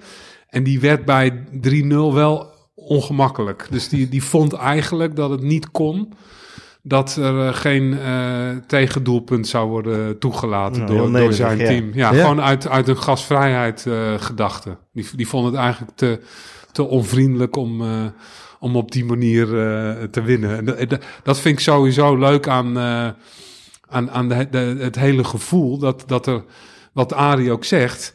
Ja, de, de, de, de teams waren bloedserieus voor, voor het winnen natuurlijk. Die Ja. wilden gewoon winnen.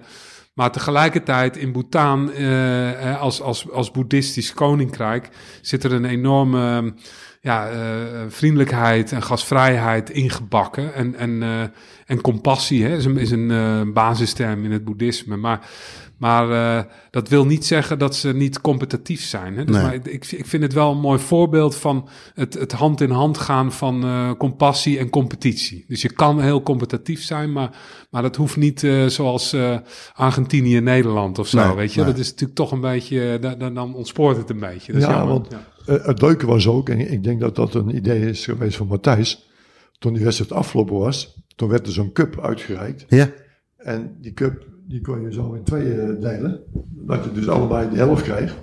En Montserrat kreeg eh, een halve cup ja, en Bhutan kreeg een halve cup. En dus dan, eh, op dat moment had ik ook in de gaten dat de spelers van Bhutan het ook picobello vonden. ja. En je zou je voor kunnen stellen in Nederland, als zo'n wedstrijd gespeeld wordt, eh, dat ze denken, wat zit dan?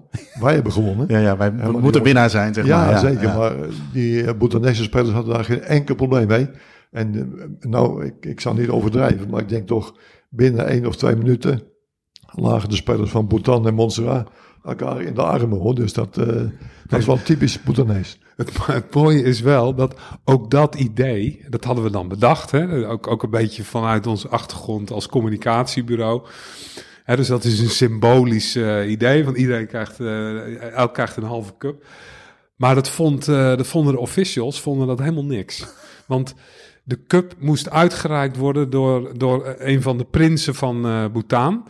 En, en dat vonden ze heel ongemakkelijk om dat uit te leggen. Want ze begrepen dat niet. Hoezo dan? De winnaar krijgt toch gewoon de cup? Ja. Punt. Hè? Dus, dus ze vonden dat eigenlijk niet zo leuk. En, en toch, eh, ja, ik, ik moest dan behoorlijk eh, eh, lobbyen en een beetje pushen. En dat is best ongemakkelijk. Uiteindelijk deden ze het wel. Maar de, de prins van Bhutan, die heeft het toen eh, uitgereikt aan de twee eh, captains. Hey, en ik, ik denk, Arie, dat jij nu eh na die 4-0 winst toen de tijd een soort van eh Hiddink-achtige status hebt in Bhutan, toch of niet? Ja, op, op dat moment zeker. Want eh, er waren twee leuke dingen. Ik, ik denk dat ik één ding gehoord heb. Dat, eh, ik weet niet precies wie daar verantwoordelijk van was. Maar de dag erop kregen alle scholen een dag vrij. Heb ik, dat, heb- was een, dat was een spontaan idee van die... eh, eh, van de premier was dat volgens Ja, mij. Die, ja. die, eh, die, die riep, de wedstrijd was afgelopen en die bedacht toen ter plekke van weet je wat, ik geef alle kinderen in Bhutan morgen een dag vrij van school. en die pakte de microfoon en die, eh, die eh, kondigde dat aan. Ja, Dus dat was één punt wat, wat heel grappig was. En punt twee was, toen die wedstrijd voorbij was, toen eh, sprak ik de, de voorzitter even, die minister van Buitenlandse Zaken. En die zei tegen mij, we zijn zeer tevreden. We willen graag dat je hier blijft. Ik zei, dat is best lastig. Ik zei, want over een dag of tien moet ik weer naar een ander land toe. ja. Hij zei, dat is geen enkel probleem. Wij hebben hier twee vliegtuigen op dat moment. Die houden we aan de grond. Dus dan kun je mooi hier blijven.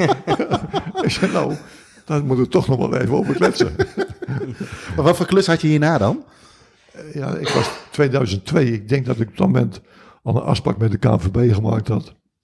Om cursus te geven in Mozambique. Ja, en dan kon ik natuurlijk niet zo 1, 2, 3 afzeggen. nee. Ik, ik moet wel eerlijkheidshalve zeggen hoor. Ik ben er later wel nog twee keer terug geweest. Eén keer om een cursus te geven. Een, een trainerscursus namens de KNVB. En ik ben toch een keer zes weken terug geweest. Om met een jeugdteam een toernooi te spelen in India. en een toernooi te spelen in uh, Saudi-Arabië. Ja, en daar, daar heb ik een, een mooi uh, interview over gehoord bij RTV Utrecht. Ja. Uh, wat zij daar voor luxe meemaakten en wat ze, ja, dat, was dat ze zo, zo, graag weer terug wilden, ondanks al die luxe. Wij we hadden een toernooi in, er was een, een kwalificatietoernooi voor de Asia Cup. Dat was trouwens het, het nationale team. En er waren vier landen die in een groep zaten, in een pool zaten. Dat was uh, Saoedi-Arabië, uh, Bhutan, Jemen en ik dacht Kyrgyzstan, maar dat weet ik niet 100% zeker. En het grappige was dat het werd in het hele toernooi werd in Saoedi-Arabië gespeeld. Dus uit en thuis speelden we alles in Saoedi-Arabië. Dus Saoedi-Arabië speelde hoeveel thuiswedstrijden? Heel veel. Ja. Die, die bekostigde dat. En die hadden ons ondergebracht in uh, een hotel. Dat was het uh, Radisson Sas Hotel in, uh, wat was het, hoe heet die plaats daar? Jeddah geloof ik. En dat was zo'n fantastisch hotel. Ook voor ons zou dat een hartstikke mooi hotel zijn. Maar die jongens van Bhutan, die kenden dat helemaal niet. Hè? Bijvoorbeeld in de eetzaal, daar was een waterval opgesteld. Dus op het moment dat zij hun ontbijt gingen halen of hun lunch, dan liepen ze rondom die waterval te, te huppelen. Of voor een, eh, een, broodje of een eh, stukje kip of noem maar op. Ja. ja dus er was zodanige luxe, dat was ongekend. Bovendien was het een, uiteraard een, uh, een hotel met volledige airconditioning. Nou, en Saudi-Arabië, dat was dan een graad of 40. Dus als je dan de deur van het hotel uitging, dan liep je zo bop tegen een wal aan. Hè? Maar het was zo luxe daar, ongekend. Maar toen gingen we naar huis toe. En toen werden we met de bus naar het vliegveld gebracht. En heel spontaan begonnen alle jongens van Bhutan te zingen. En in een taal die ik niet ken, eh, Bhutanese natuurlijk. Ja, dus ja. ik vroeg aan de, mijn elftal leider, wat, wat zingen de jongens nu? En zeiden ze van ja, ze zijn een lied aan het zingen dat ze zo blij zijn dat ze eindelijk naar huis kunnen. Weg van deze luxe, terug naar hun eigen eenvoudige leven en vooral terug naar hun gezonde lucht. Ja. Dus ja, dat was heel, heel apart. En dat bevestigt denk ik ook dat Bhutan is een heel apart land. Een heel innemelijk land en een heel vriendelijk land. Ja, dat klinkt, uh, klinkt allemaal wel uh, heel bijzonder natuurlijk. Maar we gaan de wedstrijd overdoen, denk ik. ja, we zijn nu natuurlijk twintig uh, jaar verder. Zeg ik dat goed? ja, twintig jaar verder. Hoe is Matthijs uiteindelijk in eerste instantie de documentaire ontvangen? En nu praten we er allemaal over, vindt het allemaal fantastisch, zeker met de vergelijking met nu waar we het in het begin al over hadden. Maar hoe was dat toen?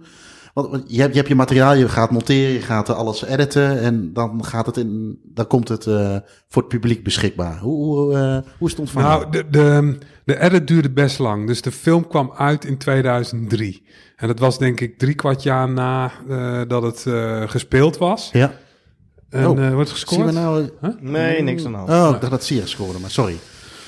Ja, we kijken naar uh, Frankrijk-Marokko nog. 1-0, nog steeds. Een half uur, nou iets meer dan een half uur. Maar, of tenminste, met dit WK weet je maar nooit. Ja, vijf nee, minuten juist. Laat ik een beetje van de var af. Of ze donker zijn of niet. Nee, weet niet. Uh, uh, 2003. En, en, uh, ja, toen... En, wat ik al zei, we werkten samen met een Japanse productiemaatschappij. En die hadden... Uh, mee gefinancierd. En in ruil daarvoor kregen ze ook uh, de, de première in de Japanse bioscopen en televisie. En da daar is die ook uh, in première gegaan. Maar voordat het zover was, ben ik nog naar Bhutan gegaan om, om de film te tonen aan de spelers en, en ja. de officials. Ja, Niet Montserrat overigens, dat eh, werd een beetje gortig. Maar eh, we hebben wel in, in Bhutan samen naar die film gekeken. Dat was eigenlijk de echte, of de, de, de pre-première. En ehm, ja, de, de, er was al wel heel veel publiciteit om geweest. eh, ro- rond eh, ehm, de- wedstrijd zelf, hè, na de wedstrijd. Dus er was best wel veel eh, interesse. En, ja. en in Japan, ik ben daar ook geweest na de première in, in Tokio, in de bioscoop. En, en dat was een, ook een, een enorme happening. Dus, dus ik heb daar ook twee dagen lang de hele dag eh, interviews gegeven. Dus de, de, ze hadden twee zaaltjes opgezet en ik, ik werd eh, heen en weer ge- gebracht van het ene zaaltje naar het andere voor een tv-zender, radiozender en de Playboy zelfs en eh, nou noem maar op. Er werd eh, ontzettend veel over geschreven. Dus Ja. het, het had wel een, eh, eh, het sprak wel tot de verbeelding bij mensen. Oké. En, en Bhutan is ook toch ook een, een land wat op zichzelf wel heel, heel, uh, heel erg tot de verbeelding spreekt. Met name ook in Japan zien ze dat als, als ja, een soort van Shangri-La, zeg maar. Hè? Een soort mythisch land bijna. Okay. En dat heeft ook wel heel erg geholpen. En, en, die, en die contrasten dus in, in Montserrat heeft natuurlijk ook heel veel prachtige kanten. Ja. Want uh, we, hadden het er al even over, Ino, uh, voordat we ter voorbereiding van deze podcast. Uh, we zijn twintig jaar verder inderdaad. We waren eigenlijk ook allebei wel even benieuwd hoe het nu met beide landen gesteld is op voetbalgebied. Ik heb het inderdaad even opgezocht. Maar ik ben wel benieuwd of jullie het gevolgd hebben. Nee? Nou, ik, ja, nauwelijks. Zover ik weet staat Bhutan momenteel 174 of zo. Uh, 185 okay, op dit moment. Ja, ja, ja. ja. ja. De laatste ranglijst is in oktober opgemaakt.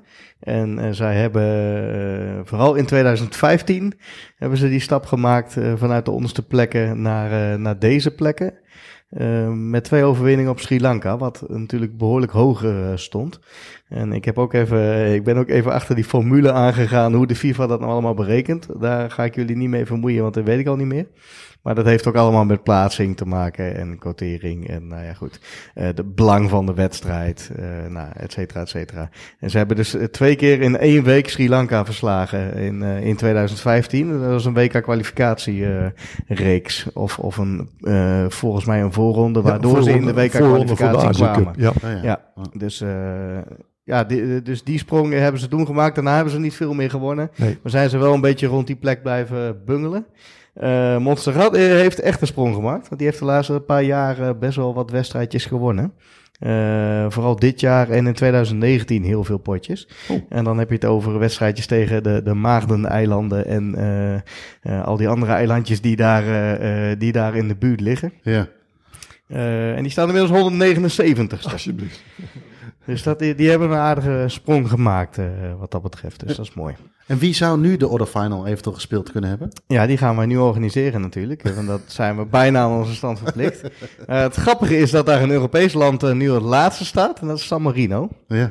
Dat is uh, plekje 211 inmiddels. Zou je toch niet, ja, misschien, nee, ik nee. zeg dat heel naïef, maar zou je niet zo snel verwachten, toch? Een Europees nee, dat vond ik vrij verrassend om ja. te zien.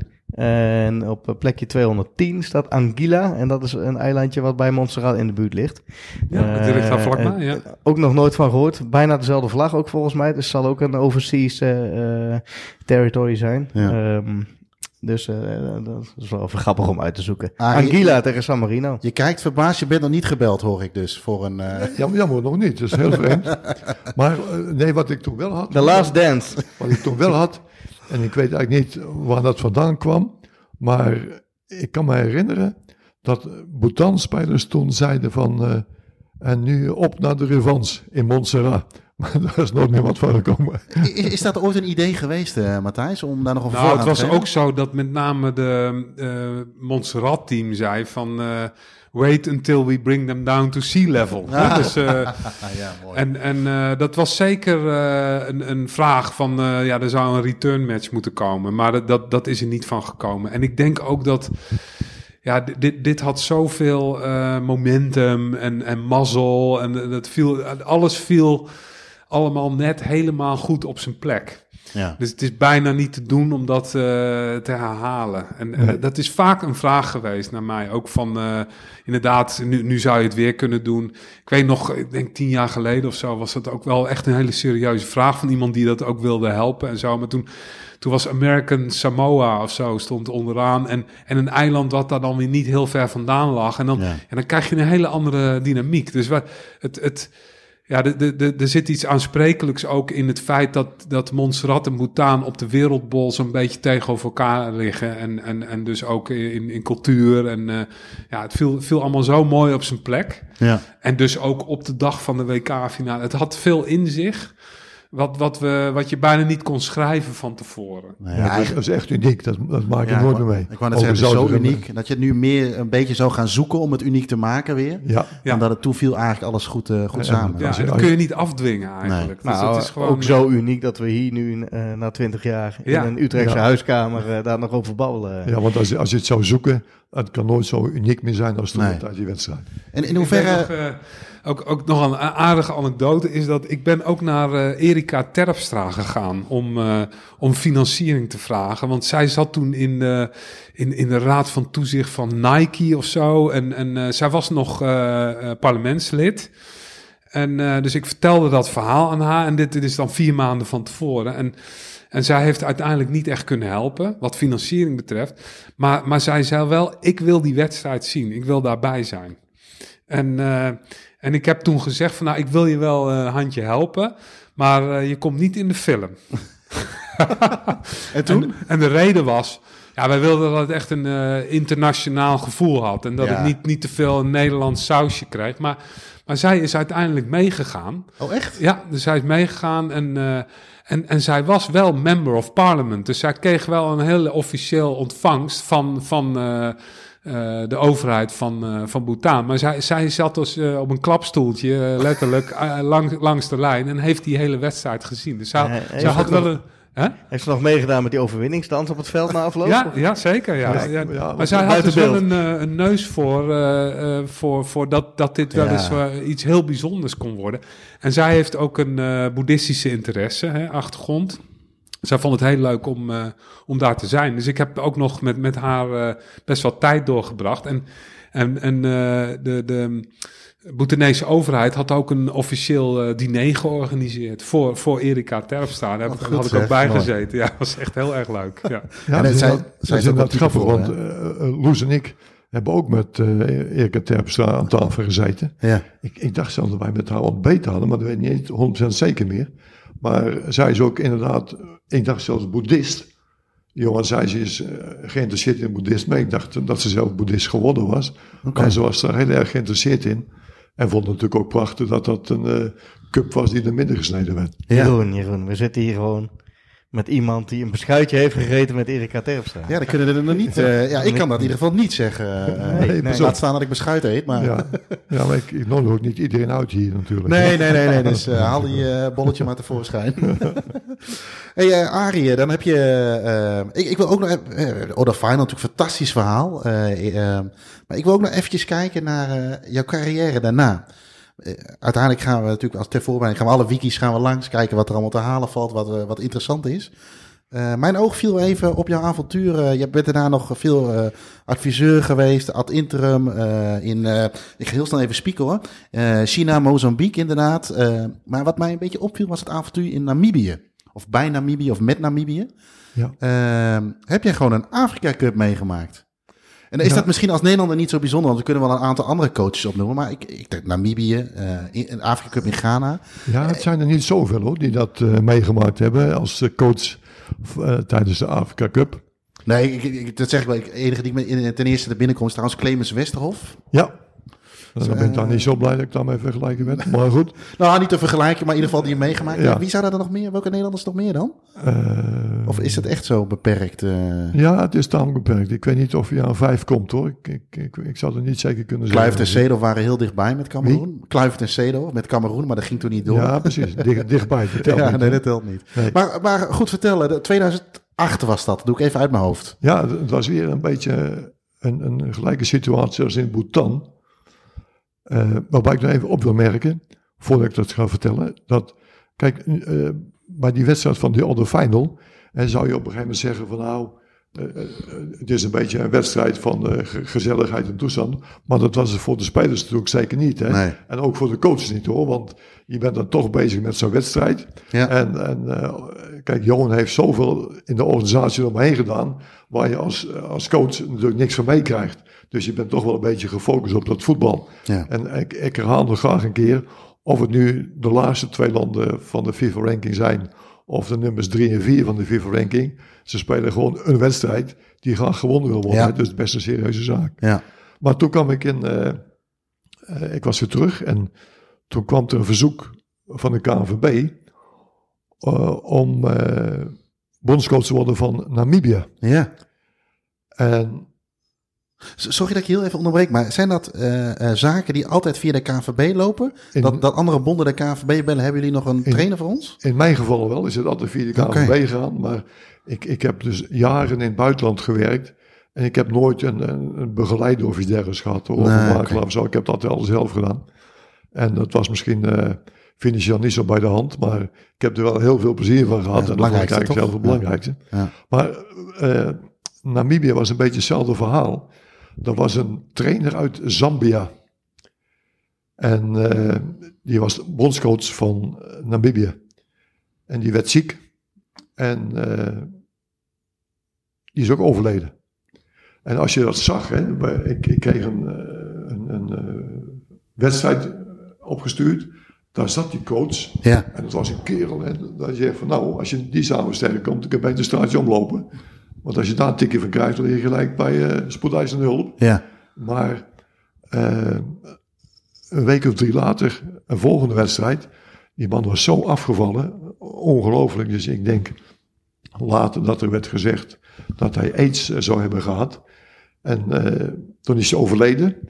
Maar toen was het zo dat, eh, hoe heet die bekende speler die bij PSV gespeeld heeft in Zambia?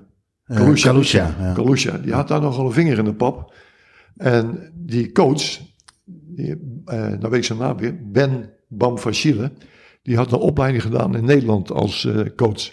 En die had hier in Nederland, dacht ik, TC1 gehaald, heet dat geloof ik. Dan mag je nog niet officieel eh, hoofdtrainer zijn, maar wel assistent-trainer betaald voetbal. Ja, En die had hij gehaald en zodoende was hij daar terecht gekomen. En toen is hij overleden. En toen heeft eh Kalusha bij de KVB eh, gezegd van we zoeken iemand met een Hollandse school. Want die, eh, mijn voorganger was ook op de Hollandse school bezig geweest. ja. En zodoende kwamen ze weer bij mij terecht. Toen ben ik daarheen gegaan. Oké, en dat, eh, je bent naar de Afrika Cup geweest, maar heb je ook de kwalificatie gedaan of mocht je meteen naar het eindtoernooi toe? Nee, ik mocht gelijk het eindtoernooi. Want het was al geregeld dat ze hadden zich gekwalificeerd. Ja. En ik werd dus aangenomen om mee te gaan naar de Afrika Cup. En, en hoe, hoe was het, eh, want je hebt dan eh Bhutan gehad en natuurlijk nog andere culturen, maar dit was dan weer iets compleet anders eh, voor je? Of? Ja, als je natuurlijk zegt, oh, je hebt het over de Afrika Cup, dan spreek je toch over een ander niveau natuurlijk dan Bhutan tegen Montserrat. Ja, aan, het einde van de rit is het natuurlijk een beetje hetzelfde. Er zijn spelers die willen graag zo goed mogelijk presteren. En in Namibië lag het weer wat anders. Ja, die hadden dus al een hele reeks gespeeld, gekwalificeerd en mochten naar Ghana toe, want het werd toen in Ghana gespeeld. ja. En ik heb toen de jongens en eh, begeleiding voor het eerst ontmoet in Dortmund. Het was in de winter. Ze hadden daar een eh, trainingskamp belegd. Ik heb geen Het is een, een voormalig eh, Duitse kolonie, hè? ja. Precies, Namibië. Ja. precies. Dat wist ik toen nog niet, Johan, hoor. Maar toen bleek inderdaad, eh, toen was een, een, een trainingskamp belegd in de buurt van Dortmund. In de winter. In de winter. Het was stervens koud. Dus de jongens, die kwam ik voor het eerst tegen.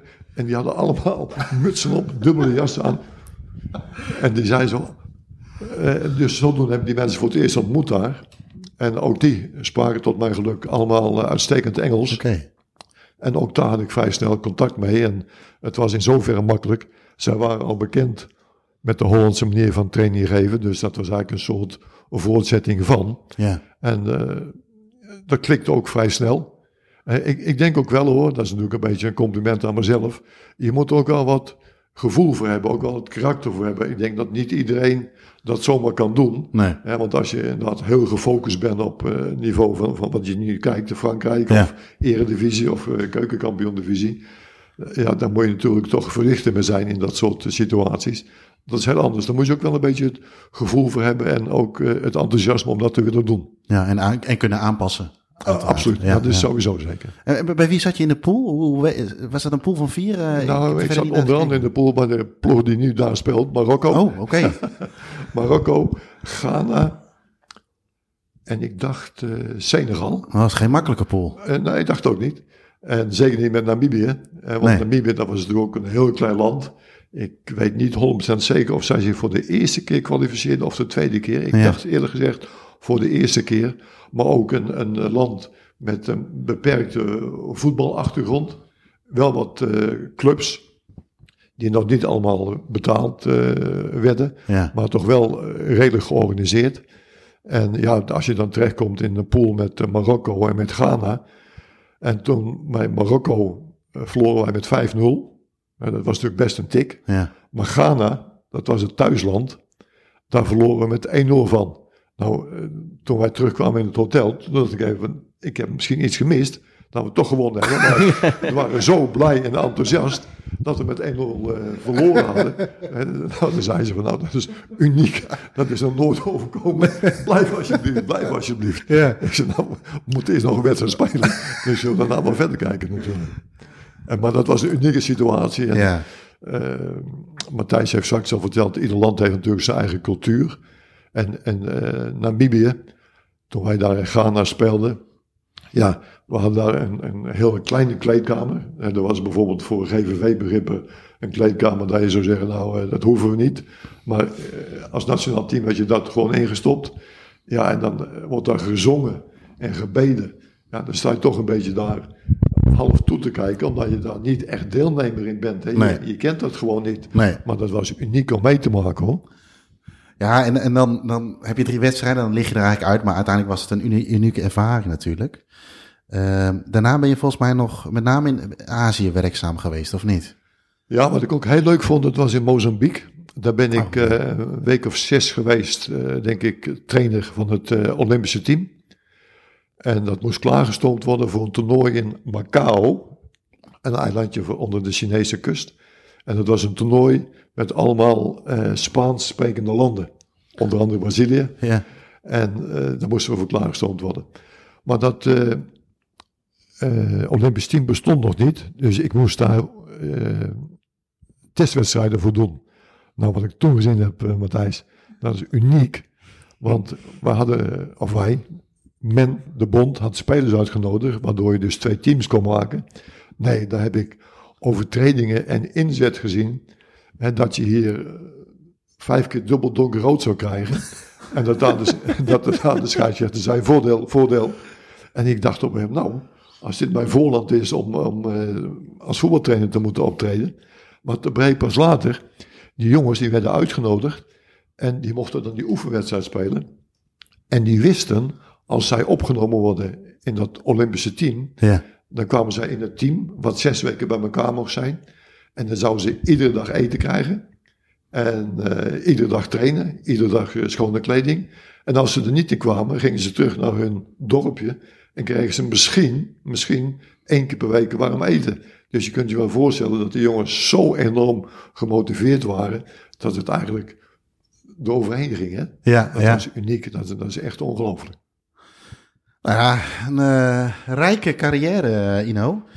Uh, Mooi inkijkje. Ja, wat ik me nog even afvroeg, voorafgaand werd nog even een, je had het over een, de huisfotograaf. Hans uit mijn hoofd, doe ik eventjes. Er is ook een boek gemaakt, toch, over de Order Final. Ja. Een foto, fotoboek, zo moet ik het zeggen. Ja, klopt. Ja.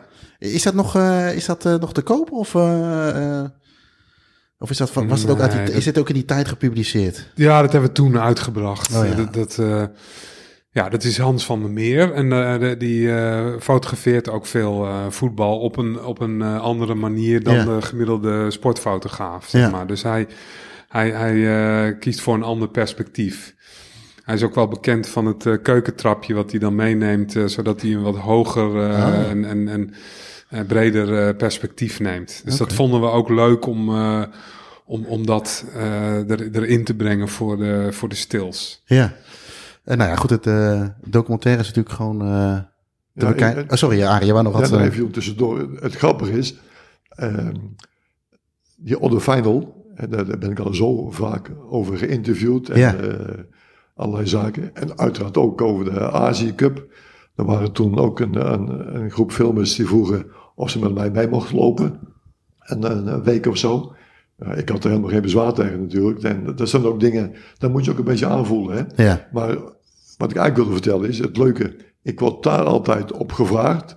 De Afrika Cup en uh, de Oude Final. Ja. Maar ze vergeten, ik ben ook 15 jaar in Azië geweest. Ja. En, en dat, dat, dat wordt dan een beetje ondergesneeuwd. Terwijl het ook hartstikke mooie dingen waren. Ja. Maar dat, ja, dat, dat leeft dan minder en krijgt ook minder aandacht. Hè, want, waar, waar, zou dat in zitten, denk je? Ja, de, de misschien door de... Nou ja, kijk, ik, ik ben natuurlijk de laatste 10 jaar werkzaam geweest in China. Ja. En daar ben ik in 2006 als uh, adviseur kampioen geworden met Chan Chong Yetai kampioen van de Chinese Top League. Mhm. En dat is een behoorlijk niveau hoor. Want ik denk toch dat de top 4 van de Chinese Top League, hier in Nederland ook meespeelt bij de top 10 van de, van de eredivisie. Oké. En dat, dat weten veel mensen natuurlijk gewoon Nee. niet, omdat ze zeggen, ja, China, dat is toch een beetje apart en vreemd land. Daar, daar, daar komt het waarschijnlijk door, hè, dat, Ja. die, dat die aandacht er niet zo is. Ik moet er wel bij zeggen natuurlijk, dat China bekend staat bij veel voetballiefhebbers van ja, daar gaan bekende namen in het eind van hun carrière spelen om geld binnen te halen. En daar is in zoverre wel een klein beetje van waar. Eh, op het moment dat na die competitie gespeeld wordt, dan zie je altijd dat de topscorers 1 tot en met 10, dat zijn buitenlanders. Buitenlanders, ja. Dus dat is wel waar. En, en misschien dat daardoor wat minder aandacht is. ja. Hey, eh, eh, ik hoorde, hoorde ik je nou net Azië Cup inderdaad zeggen? Dat ja, je daar ook, ben ik ook eh, bij geweest. met, met China of ja, met... met... China. En toen hadden wij het, het eindtoernooi in Qatar. Dus toen was ik ook eh, geweest. Ja, En ik moet je eerlijkheidshalve zeggen, dat zijn eh, allebei landen waar ik niet graag zelf zou werken. Nee. In, in de sfeer wat ik dus kende van Bhutan, eh, Namibië. En dan daar terechtkomen, dat is toch een hele andere wereld. ja, En waar ze het niet zo op, eh, op buitenlanders hebben. Wij werden eh, daar op een eh, veld eh, gebracht om te trainen. nou, daar liet je nog geen kameel op los, bij wijze van spreken. maar dat was gewoon ook wel om eigenlijk hun eigen land te bevoordelen. Hè? ja. En dan praat ik over 2006, geloof ik, dat die Azië Cup was. Ik dacht 2006, ja, in Qatar. En eh, dus daar ben ik ook geweest. En eh, ja, dat zijn, dat zijn toch ook dingen die je dan meemaakt, al ver voor het huidige toernooi. Dat je dan weet van, nou jongens, daar is het niet zo heel fantastisch om daar een toernooitje bij te wonen hoor. Nee, dus... En ik geloof dat jij de week bent geweest, Ja. dat je me vertelde. Ja. En Matthijs zei je ook dat je in Qatar was geweest? Nee, nee, ik ben nooit Oh, geweest. jij bent er geweest. Ik weet niet hoe jij het ervaren hebt, maar ik vond het allemaal nog aan mensen waarvan ik zei, nou, ik ben er niet anders mogen van. Nee, ik, ben- ik ben er eh, eh, twee keer geweest. Eén keer in 2019. Eh dat was nog zeg maar pre-wereldbeker of wereldkampioenschap. Toen zag je al eh, oh, inmiddels 2-0 voor Frankrijk. Dus het wordt Frankrijk-Argentinië. Ja, Eh, toen zag je al een beetje de aanloop. Eh, ja, nu was het... Ja, goed, we hebben, we hebben er al een podcast aan gewijd. eh, dus ik zal er niet te lang over, over praten. het was allemaal over de top geregeld. Ze willen heel goed naar de, Ja. of naar de buitenkant, willen ze, naar de buitenwereld willen ze heel goed uitkomen. En dat, dat is het enige waar ze mee bezig zijn. En ja, ik had ook wel door dat ze... Ja, het geld hoeft niet meer verdiend te worden. En dat Nee. merkte je aan alles. Ja. Hè? de eerste wedstrijd dat ik er was, waren steentjes gewoon helemaal niet aangevuld. Of voorafgaand waar ze de catering al ligt, dat soort dingen. Dus nee, er, is, er is van alles voor, van, van te vinden dat, eh, Ja. dat, dat dat niet meer moet. Maar ik kan me ook voorstellen als trainer dat het een hele bijzondere ervaring was. En zeker in 2006, want dat was natuurlijk nog anders. Ja, En zeker. nu staan er spliksplinter nieuwe stadions, alles is Ja. nieuw aangelegd, noem alles maar op. Ja. Maar dat zal toen anders geweest zijn. Ja, in 2006, toen had je die, hoe heet het, eh, de Academy, de Voetbal Academy. Oh ja, ja, naam, je weet misschien wel wat ik bedoel. ja, Ja, die velden waren fantastisch, hè? ja. Die velden waren echt Ze hebben toen fantastisch. zo'n heel project opgezet om nu te kunnen vlammen in Ja, inderdaad. 2022. Ja, want die velden waren zo mooi. Eh, zover mij bekend waren in 2006 groundkeepers uit Australië overgevlogen. Die in Australië groundkeeper waren van eh, golfclubs. Om die velden goed te houden. En als je dan eh, als, als, als, als schijntje in Qatar en ook in Japan bijvoorbeeld een keertje als trainer zo keek van of het gras wel eh, goed geknipt was. Nou, binnen een min tijd stonden er 15, 16 van die kereltjes klaar van... Is het niet goed, is het niet goed, weet je wel. Terwijl het eigenlijk al voor Hollandse begrippen meer dan een biljartmaker was. Ja.